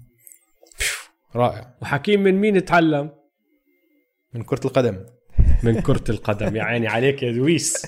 بحب لما تنجح على الامتحانات هاي آه، بوب صاحي. بقول لك آه. أنا أفكاري بهالحجر الصحي. صاحي على الدنيا. طيب آه، خلينا نحكي عن شاك. هو آخر واحد ما حكينا عنه. okay. أنا زي ما قلت لك كنت حاطه تاني بعدين حولته حطيت حكيم محله هلا نزلته ثالث. أنت حاطه خامس. مم. طيب. ب... قبل ما أحكي لك أرقامه راح أبدأ بشغلة واحدة وأنا حكيها أكثر من مرة. مم. ماشي؟ okay. وما عمري حكيت عن ولا واحد من هدول اللعيبة. راح أحكيها بس عن شاك هو الوحيد اللي بحكيها عنه. مم. لو شاك كان عنده عقلية واحد زي كوبي ماشي؟ أوف. كان طلع ال GOAT. أوف. كان طلع ال GOAT وبدون يعني بسهوله كان طلع شاك ال GOAT. لأنه شاك عنده القوة واللياقة البدنية والحجم اللي عندهم إياه ناس زي ويلت بس كمان مع المهارات اللي عندهم إياها ناس زي حكيم. شاك دخل على الناس بتنسى لما دخل على على الدوري كان سريع. سريع. كان لسه نحيفه سريع بس هو ما عمره حط كل عقله بال NBA السنتين ثلاثة اللي هو عزه مع الليكرز والبطولات هدول لما حط راسه بالسلة وباللعبة إذا ما كان في حدا يوقفه ما بتقدر تعمل إشي كنت ضده. مية مية. أحكي يعني لك أرقامه. اسمع شاك مثلا بشبهها مثلا ب خلينا نقول أنت مثلا طالب مدرسة. إنه لو شاك درس شوي كان بيقدر يجيب 100% 100% يسكر العداد. صح. لكن شاك انبسط وراح على كل الحفلات وعمل كل المشاريع هيك وجاب 90% صح بالضبط. بس كان بيقدر يجيب المية بالمية. هاي بالضبط. ما بتنحكى عن ولا واحد تاني. هو صحيح. الوحيد اللي بتنحكى عنه. وتخيل أنت هلا راح أحكي لك كل إنجازاته وتخيل مع كل هالحكي اللي راح نحكيه هلا ولسه كان بيقدر يجيب أكثر معدلاته بعد ما اعتزل. 23.7 points per game 10.9 rebounds 2.5 assist و2.3 blocks فاز أربع بطولات. ثلاثة Finals MVP طلع ال MVP بال 2000 هي السنة الوحيدة اللي جد كان- جد جد جد كان مركز فيها على السلة للعلم. آه. هاي السنة حط بباله راح أربح بطولة وربحها. 15 مرة All-Star ثلاث مرات All-Star Game MVP ثمان مرات All-NBA First Team مرتين Second Team أربع مرات. Third Team ثلاث مرات. All-Defensive Second Team Rookie of the Year طبعا بال 93 طلع scoring champ مرتين بس طلع تاني أربع مرات وطلع ثالث مرتين يعني كان دائما فوق. مم. رابع all time بال PER هاي قوية. رابع all time بال PER قوية. رابع all time بال PER بس ال ال الرهيب الحلو فيه إنه يا زلمة لواحد بحجمه لمسته كانت كتير حلوة. كان عنده حركات صغيرة هيك باخذ drop step حلو ال- ال hook shots اللي بلف حواليك وبعطيك ال hook shot تبعته. بيعرف كان كيف يتمركز وكيف يغير مركزه بال paint يعني بيعمل كل إشي مفروض center يعمله بس بحجم وقوة ولياقة مش شايفينها من قبل كنا. مية مية man كانت لياقته وخفة حركته. يعني okay هلا يمكن مش عم بتخوت لما أحكي شاك كانت حركته خفيفة. إنه آه هو صح. كان جحش كان وزنه 350 pound آخر فترة يمكن. بس حركته خفيفة. كان عنده spin آه. moves كان عنده كان عنده footwork كان عنده crossover حتى مرات. آه. يعني كانت ال mix جد ال mix القوة والمهارات ما عمره شفناها ب center. يا زلمة بال 2000 بال finals 2000 معدله كان 38 نقطة 16.7 rebounds 2.7 blocks و2.3 assists wow. 38 نقطة. wow. أنا راح أعطيك أكبر مدح لشاك. ماشي؟ ماشي. لو تطلع على ال NBA اليوم بالطريقة اللي بيلعبوا فيها اليوم أنت ك center إذا ما بتعرف تشوت وما بتعرف تتحرك ما إلك دور. امم كل center بدخل على ال league بيعرفش يشوت. خلص عم بتشوفه يا عم بيلعب على ال bench أكمل دقيقة هون هناك يا عم بيطلع من ال... من الليغا. وخلص بيختفي بيروح بيلعب بأوروبا بيروح بيلعب بمحل تاني. شاك بدون ما يتعلم يشوت. لو تراجعوا على الان بي اليوم راح يغير الطريقة اللي كل الفرق الثانية بتلعب. مية بالمية مش ضروري أنت تعدل خطتك الدفاعية عشانهم راح تخليهم هم يعدلوا كل طريقة لعبهم عشانك وعشان شاك. أنا. بفضل أعطي شاك الطابة بال paint كل هجمة وخليه يحط 2 points وخليك أنت على الجهة الثانية تشوت شوت 3 كل هجمة وتجيبها ب 40% بفضل ال 100% تبعت شاك على ال 40% تبعتك. راح أغلبك. مية بالمية. ولعيبتك راح راح ينجنوا مش راح. يعرفوا شو يعمل. آه. فشاك يا زلمة فظيع كان بس ما ما ما كان بده. كان عنده اهتمامات كتير كتير كتير غير عن السلة وتسلى فيهم وبصراحة حقه يعني حياته فحلوة منه. بس بالضبط شاك كان بده يكون تسلى. شيء ثاني شاك شاك تسلى. آه. وبعده بتسلى لليوم.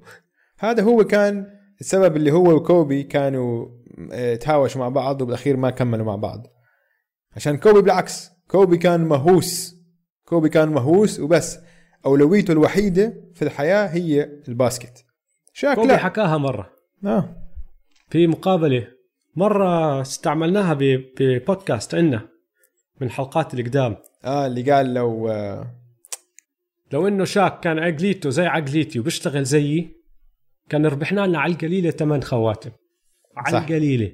آه, آه. وأنا معه مية بالمية يا زلمة هذا الزلمة بعزه. يا الله رهيب. رعب رعب. رهيب شاك طيب إذا هيك ما راح نرجع نعيد من أول لخامس لأنه ممكن هلأ نرجع نغير مرة. نتركهم هيك هم الخمسه متفقين عليهم. ونمشي على اللي بعده يا دويس. آه. بس حلوة هاي الصراحة كانت.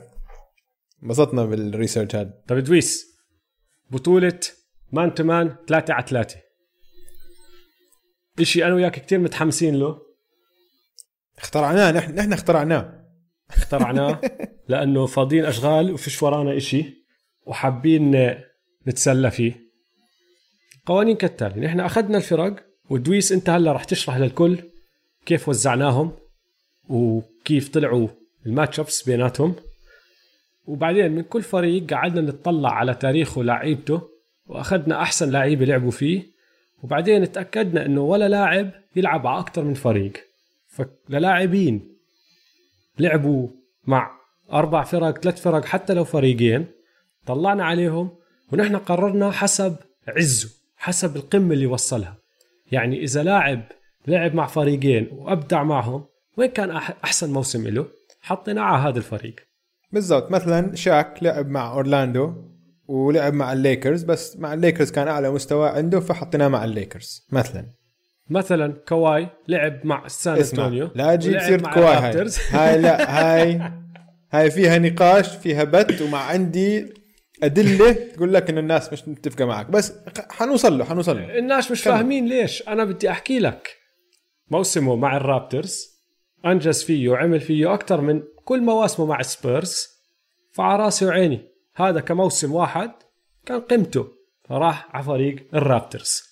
في كتير لعيبة هيك يعني. أنا بعرف إنه في ناس زي مشجعين الليكرز راح يشوفوا إنه كريم عبد الجبار مع البكس مش مع الليكرز بس هو مع البكس أبدع وفاز ال MVP وفاز بطولة وفاز finals MVP وعمل كل إشي وكانوا أرقامه أعلى فحطيناه مع البكس هلأ هدول اختياراتنا. اللي مش عاجبه ما يصوت. آه احكي لهم كيف حنقرر الفائزين من كل matchup هلا هدول اختياراتنا للفرق بس الفريق اللي بتقدم راح تختاروه أنتم يا مستمعين. نحن راح نحط كل يوم matchup بين فريقين مع اللعيبة اللي على هدول الفريقين وأنتم راح تطلعوا عليهم وتصوتوا. يا للفريق ألف يا للفريق باء لما تخلص فترة التصويت الفريق اللي فاز بمشي لل round اللي بعده وبنعطيكم matchup ثاني وبنضلنا نعيدها لنوصل اللي هو بطل بطولة man to man 3 على 3 اسمع هلا. كمان في عنا آه. كل واحد فينا أنا وأوجي عندنا حق الفيتو. نقدر نمارسه مرة واحدة. نحن يعني عندنا ثقة فيكم يا إخوان. نثق بخياراتكم. بس مرات التعصب بيعمل أشياء وفي مشجعين بدهم فريقهم يفوزوا. فإذا صح. أنا أو دويس شفنا إنه في فريق فاز على فريق بس لأنه نادي أكبر وأعرق وله مشجعين أكثر بس اللعيبه اللي على الفريق الثاني أنا وياه التنين متفقين إنه مفروض يفوزوا بنمارس حق الفيتو يا رب مية ما. تصير. إن شاء الله ما تصير. بس عندنا حق نمارسه مرتين. مرتين. بس مرتين. بس مرتين. بكل الدوري. بالضبط. بكل البطولة. حلو. ما بنقدر بس نستعمل 30 فريق لازم ناخذ 32 فريق عشان كل فريق يكون في حدا يلعب ضده شو اللي سويناه؟ هون رجعنا السونيكس عشان دويس ينبسط فصار فريق عريق ولازم يرجع ال NBA بيستاهل.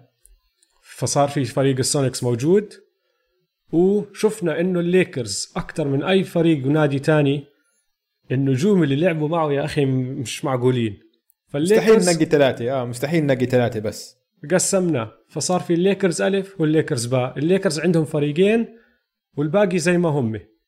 واللعيبة اللي فيه يا إخوان إذا في حدا مش عارفينه لما تقعدوا تطلعوا بالأسامي روح اعمل عم- عملوا لكم شوية بحث شوية ريسيرش اعرفوا مين هو بعدين صوتوا. آه عشان حتعرف معظمكم حيعرف اللعيبة كلها. الجداد. الجداد. بس في لعيبه قدام حطيناهم بأحسن. ثلاثة عشان بيستاهلوا صراحة. اذا بتشوفوا إنجازاتهم هذول لعيبة سفحوا يعني. بأحدهم. هلا. طيب دويس فهمنا كيف أنت رتبت الفرق؟ هلا صنفنا الفرق من واحد ل 32 التصنيف هذا حسب عدد البطولات. فهمت علي؟ فمثلا البوستن سيلتكس عندهم 17 بطولة هم الأول. الليكرز عندهم 16 بطولة هم الثاني. هلا إذا فريقين عندهم نفس عدد البطولات مثل مثلا الوريورز والبولز اثنيناتهم عندهم ست بطولات لكن الوريورز واصلين واصلين النهائي كمان خمس مرات فهمت علي؟ فمعناته ال score تبعهم 6 زائد 5 بصير عندك 11 ال 11 ال score تبعهم فهم بيكونوا المركز. الثالث والبولز الرابع حلو ترتيب الفرق هلا حنحكي لكم الترتيب من 1 ل 32 وحنقول لكم مين حطينا بالفريق هذا تمام؟ ابدأ بالسلتكس. حلو نبدأ بالسلتكس. أول واحد طبعا فريق بوستن سلتكس. حطينا الثلاثة سهلين كانوا آه بيل راسل لاري بيرد وبول بيرس. هذول هم الثلاثة. هلا طبعا في منكم حيسأل عن جارنيت والن جارنيت والن حيلعبوا بس بفرق تانية. وفي ناس تانيين زي هافليتشك وماكيل وكوزي. يعني بصراحة شفنا هدول الثلاثة مستاهلين أكتر فحطيناهم. أساطير السلتكس. حلو. بعدين زي ما قلنا لكم الليكرز عندنا فريقين الليكرز. ليكرز ألف وليكرز باء. في الليكرز ألف حطينا ماجيك وشاك وجيري ويست. في الليكرز باء عندك كوبي وإلجن بيلور وويل تشامبرلين. ويا جيش لبرون ما حطينا لبرون لأنه موجود مع الكافز. بالضبط. ها. مش إنه. نسينا عنه. تخيل ننسى عنه. والله بياكلونا أكل. بياكلونا بلا ملح. اسمع أنا كيفت على جيش دنكن بسطني آه. هذاك اليوم. والله مش قلال ابدا. مش قلال لا ابدا. لا ما فاجئوني كنت عارف إنه في جيش هيك ل... لتيم دنكن بس كتير انبسطت لأنه الزلمة بيستاهل.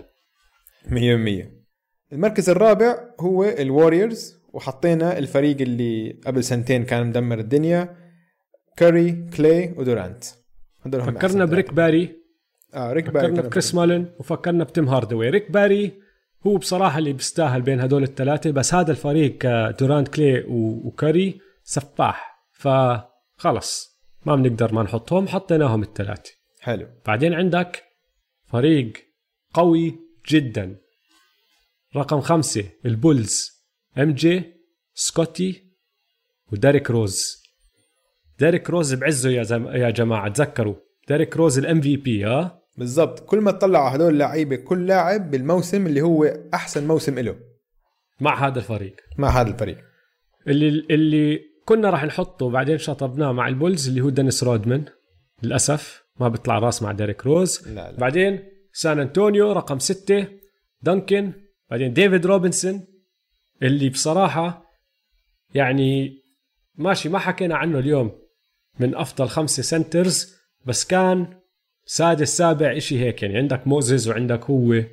بس سفاح كان ديفيد روبنسون وجورج جيرفن هلأ في ناس راح تسأل وين باركر وجينوبلي بس ما بنقدر نشيل جورج جيرفن نحط هدلاك التنين فحطينا جورج جيرفن ال Iceman 100% سابع فيلي. فريق قوي جدا. آلن آيفرسون جوليوس ايرفينج وموزيس مالون. ترى أنا كنت حاطط موت... أنا كنت حاط موزيس مالون سادس بال top five centers آه. لا فيلي فريقهم قوي جدا جدا جدا قوي. عندك يعني top five shooting guard top five small forward بين آه ايفرسون وجوليوس ايرفينج وموسيس مالون سادس أحسن center بالتاريخ. ففريق آه. قوي جدا جدا. ديترويت في عندك ايزايا ودومارز من ال Bad Boy Pistons ايزايا توماس طبعا الأصلي مش الجديد. وجو دومارز وكانوا كتير سفاحين هدول التنين. ورشيد والس لأنه فكرنا يا نحطه هو يا نحط شانسي بيلبس بس قلنا بدنا نحط big معهم لأنه هدلاك التنين صغار guards فحطينا رشيد. ميامي عندك دوين ويد الونزو مورنينج وكريس بوش دول هم احسن أحسن ثلاثة بتاريخ ميامي. غير لبرون طبعا. كان فكرنا بجمال ماشبرن ستيف سميث بس بصراحة لا هدول مستاهلين. 100% بعدين بنخش على النكس في المركز العاشر. النكس يعني كان عندهم عهد قوي آه فبنحط حاطين باتريك يوينج والت فريجر وويلس ريد. والت فريجر وويلس ريد طبعا ربحوا البطولة مع النكس البطولتين. أظن كانوا هم الاثنين بيلعبوا بالبطولتين. آه. وأمورهم طيبة يعني. فكرنا طبعا بكارميلو بس نقدرش نحطه فوق واحد من هدول اللعيبة. بعدين عندنا مركز 11 هيوستن عندنا حكيم the dream حكينا عنه كثير هالحلقة جيمس هاردن وياو مينج ياو مينج بعزه.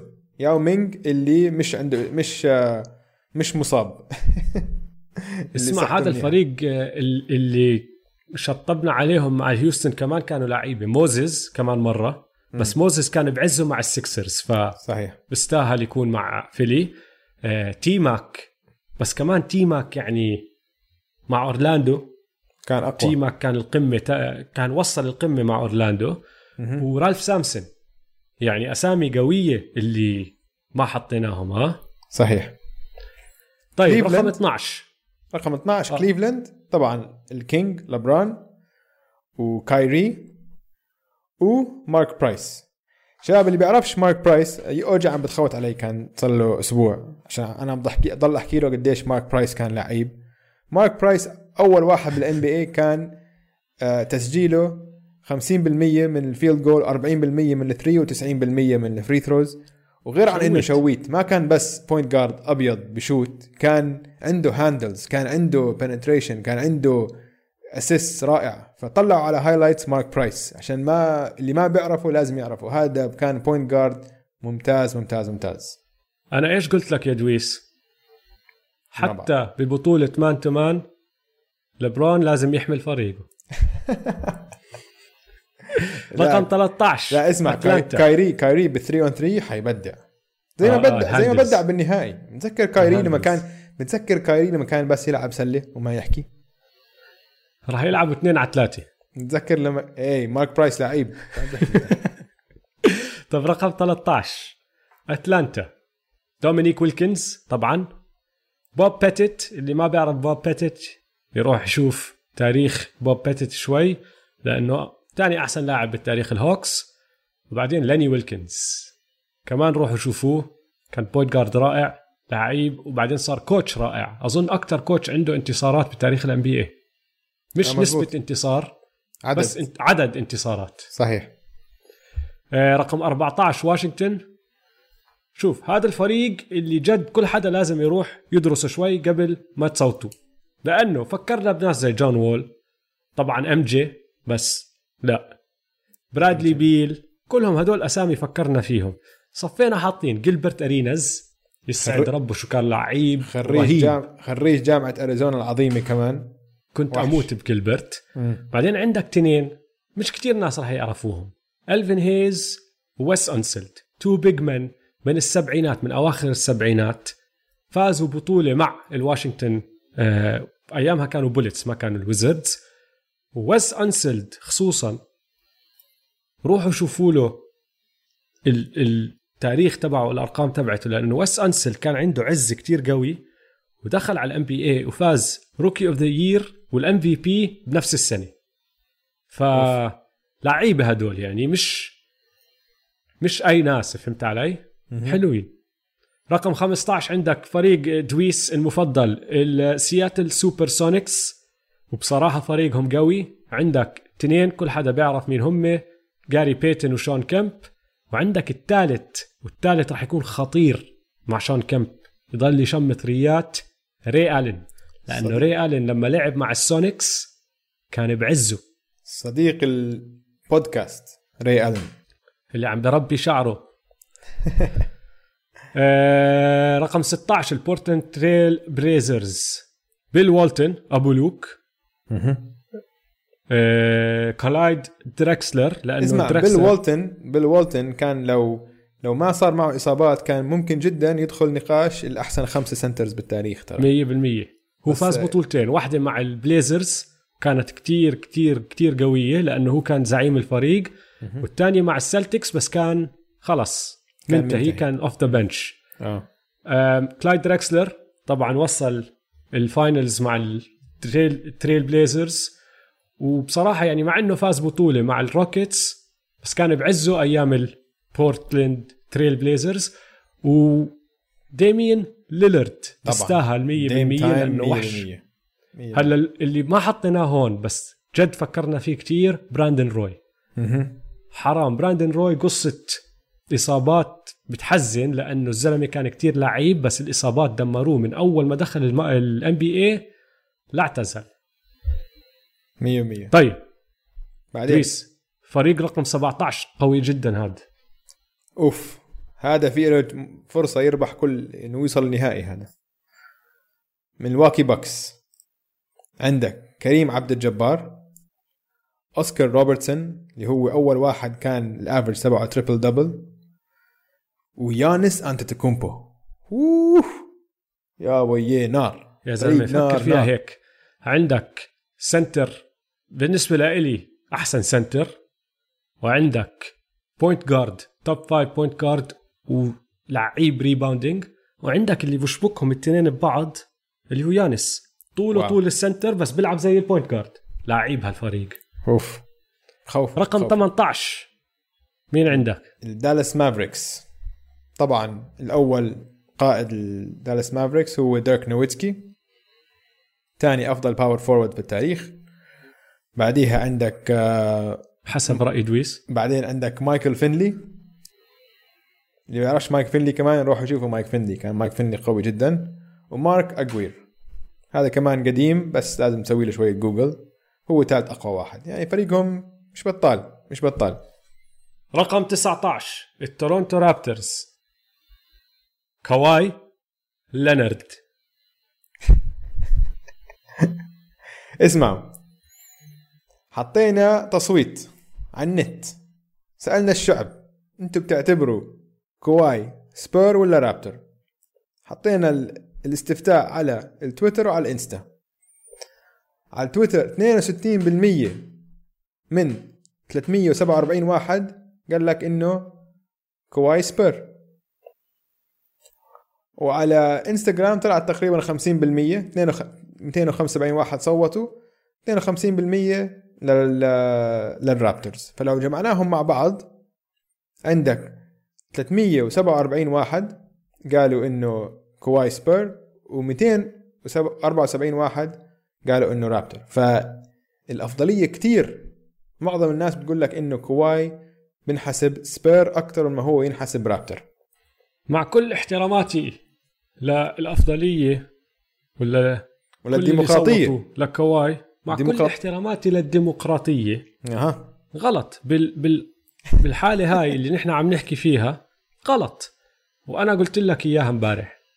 وين تتوقع ينرفع قميص كواي أول؟ أو بشكل عام بتورونتو ولا بسان أنطونيو؟ أكيد بتورونتو عشان سان أنطونيو خلص، عندهم إذا تاريخ. هيك تورونتو ما عندهم مش تاريخ. ما عندهم مش تاريخ. ما عندهم مش حد تاني. أحسن موسم لكواي وين كان؟ مش متذكر. لا لا انت متذكر ومتذكر منيح. والله مش متذكر مش عارف. بدك أذكرك؟ اسمع نحن سوينا استفتاء. يا زلمة أنا ما بقول سوينا عم, بحكي لك بس. استفتائك استفتائك كان لازم تحكيه بطريقة تانية كان لازم تعطي الشباب انت اللي كتبت هذا اتفقنا معك وانت اللي نقلتني حرفيا شو تكتب عشان ما كنت بدي أنا كنت عارفك حتسوي انت. عشان هيك خليتك انت تكتب التغريدة بنفسك بكلمه كان لازم تعملها بعد ما نحكي قصة هاي البطولة. انت هاي غلطتك انت. أنا بقول لك أنت ما كان لازم تسمح لي لاستفتاء. لينارد لا عادي أنا بحب أشوف الناس شو بتفكر وأخذ آراء الناس. ومش زعلان على حدا بس أنا بحكي لكم كواي لينارد رابتر فعلى الفريق هاد رقم 19 في كواي وفي عندك فينسانيتي half man half amazing راح يضل يدنك على الكل فينس كارتر وكايل لاوري. والمسكين دروزن انزاح على جنب كمان مرة. حرام. دروزن يا زلمة نحن يعني والله انت نحن جمهور جمهور زبالة. انت دكتاتور ما بترحم انت. وما لك صاحب. طيب رقم 20 الأوكلاهوما سيتي ثاندر. هذا كان آه، الفريق كتير صعب الواحد ينقي له لأنه اولا صار له 10 سنين بس بال NBA ثانيا أحسن لاعب بتاريخه راح ولعب مواسم أحسن وفاز بطولات مع فريق تاني فانحط مع الوريورز اللي هو كيفن دورانت طبعا. وثاني أحسن لاعب بتاريخه طلع بعد ثاني موسم. ثاني أحسن لاعب. آه اللي هو جيمس هاردن. 100% فصفينا حاطين راسل ويستبروك ومعه ستيفن آدمز وبول جورج. لأنه بول جورج لما لعب السنة الماضية مع الثندر كان يعني على مستوى MVP. كان خامس أظن بالتصويت إشي هيك. بول جورج لعب بمستوى كتير عالي فحطيناه معهم. مع إنه بس لعب سنة أو سنتين سنتين لعب معهم بس حطيناه. صح. بس طبعا لا هو ولا ستيفن آدمز راح يلمسوا أو يشموا ريحة الطابة. ويستبروك صحيح. 1 on 1 3 وراح يضل يشوت. خلص يعني شو بدنا نسوي؟ رقم 21 الساكرامنتو كينجز ساكرامنتو هذا كينجز الفريق. هدول حطينا بس الساكرامنتو كينجز من 2002 عشان هذا الفريق كان قمة الكينجز. ويبر ستوياكوفيتش ومايك بيبي هدول اللي كانوا اللي غلبوا الليكرز بس الحكام حرموهم من رحلة إلى النهائي في عام 2002 خش فك- ونصب واحتيال. مية مية. فكرنا طبعا بجيسون ويليامز White Chocolate نحن كلياتنا بنحبه. آه White Chocolate على White Chocolate على ملعب street ball 3 on 3 ببدع. ببدع. آه. يمكن نحطه فوق بيبي. شو رأيك؟ هلا نحاوله يلا. نحاوله هلا. نكحش بيبي. هسه راح نحاوله راح نكحش بيبي وندخل جيسون ويليامز. خلص دن دن دن بعدين آه رقم 22 الفينيكس سانز. عندك طبعا ستيف ناش تشارلز باركلي وأماري ستادماير هذا فريق قوي جدا جدا. pick and roll pick and roll pick and roll وبعدين باركلي بلم ال rebounds. واو حلو. اليوتا جاز. يوتا جاز. عندك مالون ستوكتون وبيستل بيت. كمان. قوي جدا. آه والله. كمان pick and roll pick and roll pick and roll واحد بيعمل حركات بالطابة. حلو. رقم 24 راح نسميه هم النتس بس نسميهم البروكلين نتس ولا نيو جيرسي نتس؟ سميه النتس بس. بس النتس. امم النتس فريقهم فيه جيسون كيد. شباب اللي ما بتذكر جيسون كيد بعزه يروح يحضر highlights لجيسون كيد بعزه خصوصا أول الألفينات. احضروا ال alley-oops معاه هو وكينيون مارتن. أوف. اللي على الفريق كمان. الفريق مارتن كمان طبعاً. موجود. نحن حطيناه بس عشان ال alley-oops مية مية. وديريك كولمان ديريك كولمان كان power forward خرافي. لو ما انصاب وكان يركز على المباراة على اللعب كان بيكون من أحسن power forward بالتاريخ.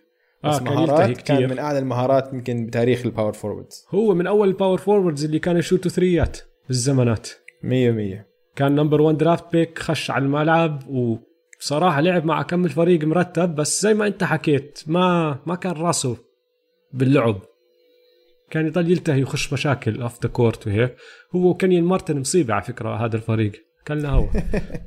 طيب رقم حيمكن- 25 دويس هذا فريق كتير قوي. آه بيني هارداواي دوايت هاورد وتي ماك أوف.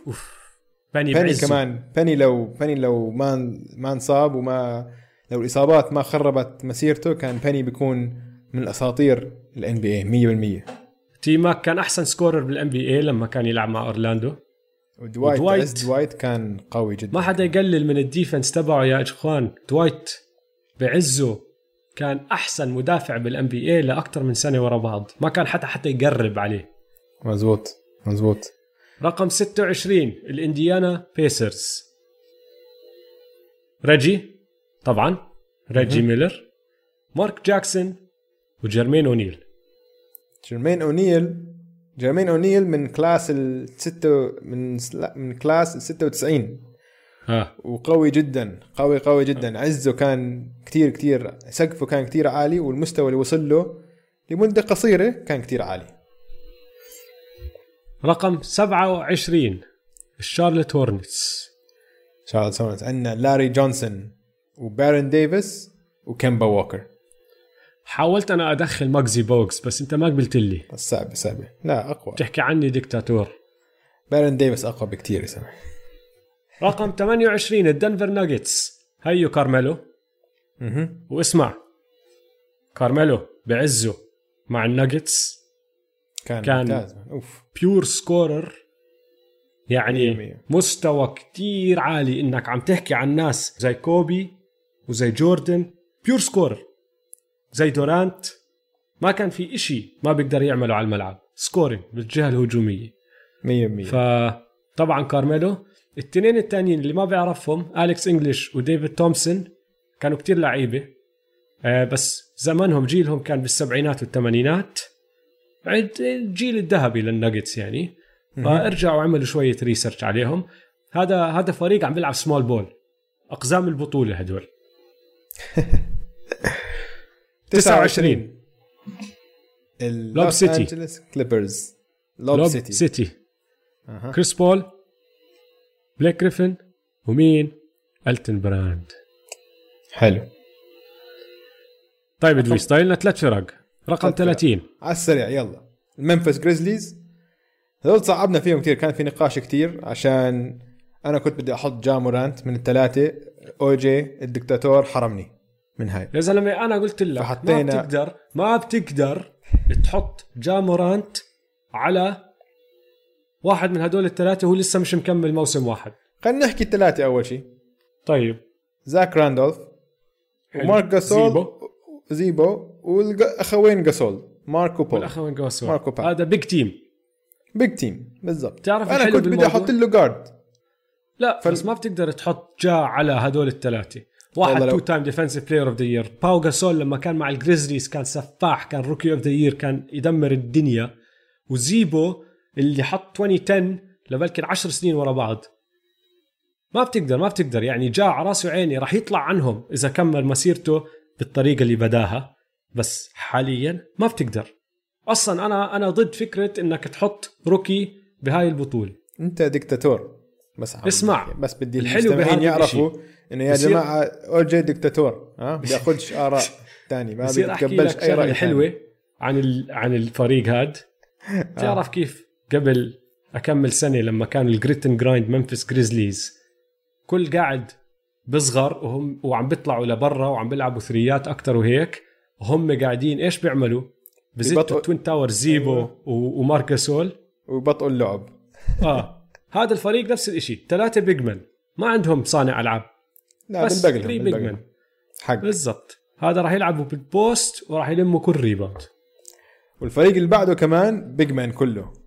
التمبروولفز جارنيت كيفن لوف وكات كارل انثوني بس هذا الفريق فيه playmaker في playmaker اللي هو. جارنيت wow. اللي هو جارنيت صراحة ماركس طبعاً. كمان playmaker يعني بس جارنيت playmaker قوي جدا. شوف هذا فريق قوي بس بس التصنيف تبعه يعني هو 31 يعني حيطلع حيلعب ضد المركز الثاني اللي هو الليكرز. الليكرز إيه. ألف كمان. أصلا لو. هذا الفريق لعب على ملعب جد جارنيت بمسح الأرض بكات وببكيه من أول خمس دقائق آخر فريق. هذا هذا الفريق صراحة يعني ما لقينا له ناس. وأنا زي ما حكيت لك ال- النيو أورلينز باليكنز أنا قلت لك ما بدي أحط rookies خصوصا rookie لاعب 20 مباراة. بس 20 مباراة. كيف بدك تدخله على هاي البطولة؟ بس جد ما لقينا له حدا يا زلمة. الباليكنز عندهم مين؟ أنتوني ديفيس. وديماركس كازنز ومين؟ زايون. جرو هوليدي؟ زايون؟ زايون. لازم زايون. روندو؟ أكيد مش روندو. بس زايون يا زلمة لعب 20 مباراة ما بعرف. صعب صعب وضعهم الباليكنز بس هدول هم الفرق يا إخوان. من 1 ل 32 البطولة راح تبدأ اليوم. هذا البودكاست راح يطلع ليلة السبت. وكل أسبوع أعطيكم update عن مين فايز ومين مش فايز. بالضبط. فلا تنسوا تتابعونا على مواقع التواصل الاجتماعي at m2m underscore pod. راح نحط الاستفتاء على التويتر. كل مباراة حنحطها على تويتر وعلى إنستغرام. وبعدين نجمع أصوات المنصتين ونشوف مين بيفوز. وزي ما قلنا أنا وأوجي عندنا حق الفيتو كل واحد فينا يستعمل مرة مرة واحدة. مرة, مرة واحدة. مرة كل واحد. مية مية.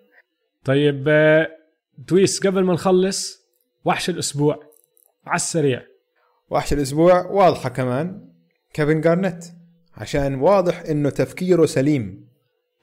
مثل تفكيري أنا. عنده نفس أفكاري وبده يرجع السوبر سونيكس على سياتل ورجعهم على ال NBA فوحش الأسبوع كيفن جارنيت وغير وكمان هيك وكمان حطوه بالهو... بالصالة المشاهير بال Hall of Fame يعني أسبوع كويس لكيفن جارنيت أسبوع آه. كتير بس هو. وحش عشانه عنده نفس فكرتي يعني. بعدين الشغلة الثانية إنه وصل قاعه المشاهير يعني. يا عيني علي وحش الأسبوع. وحش الأسبوع. طيب شباب رح ننهي الحلقة هون. إن شاء الله استمتعتوا معنا. لا تنسوا تتابعونا على مواقع التواصل الاجتماعي at m2m underscore pod. وخليكم بالبيت يلا. سلام شباب. يلا سلام.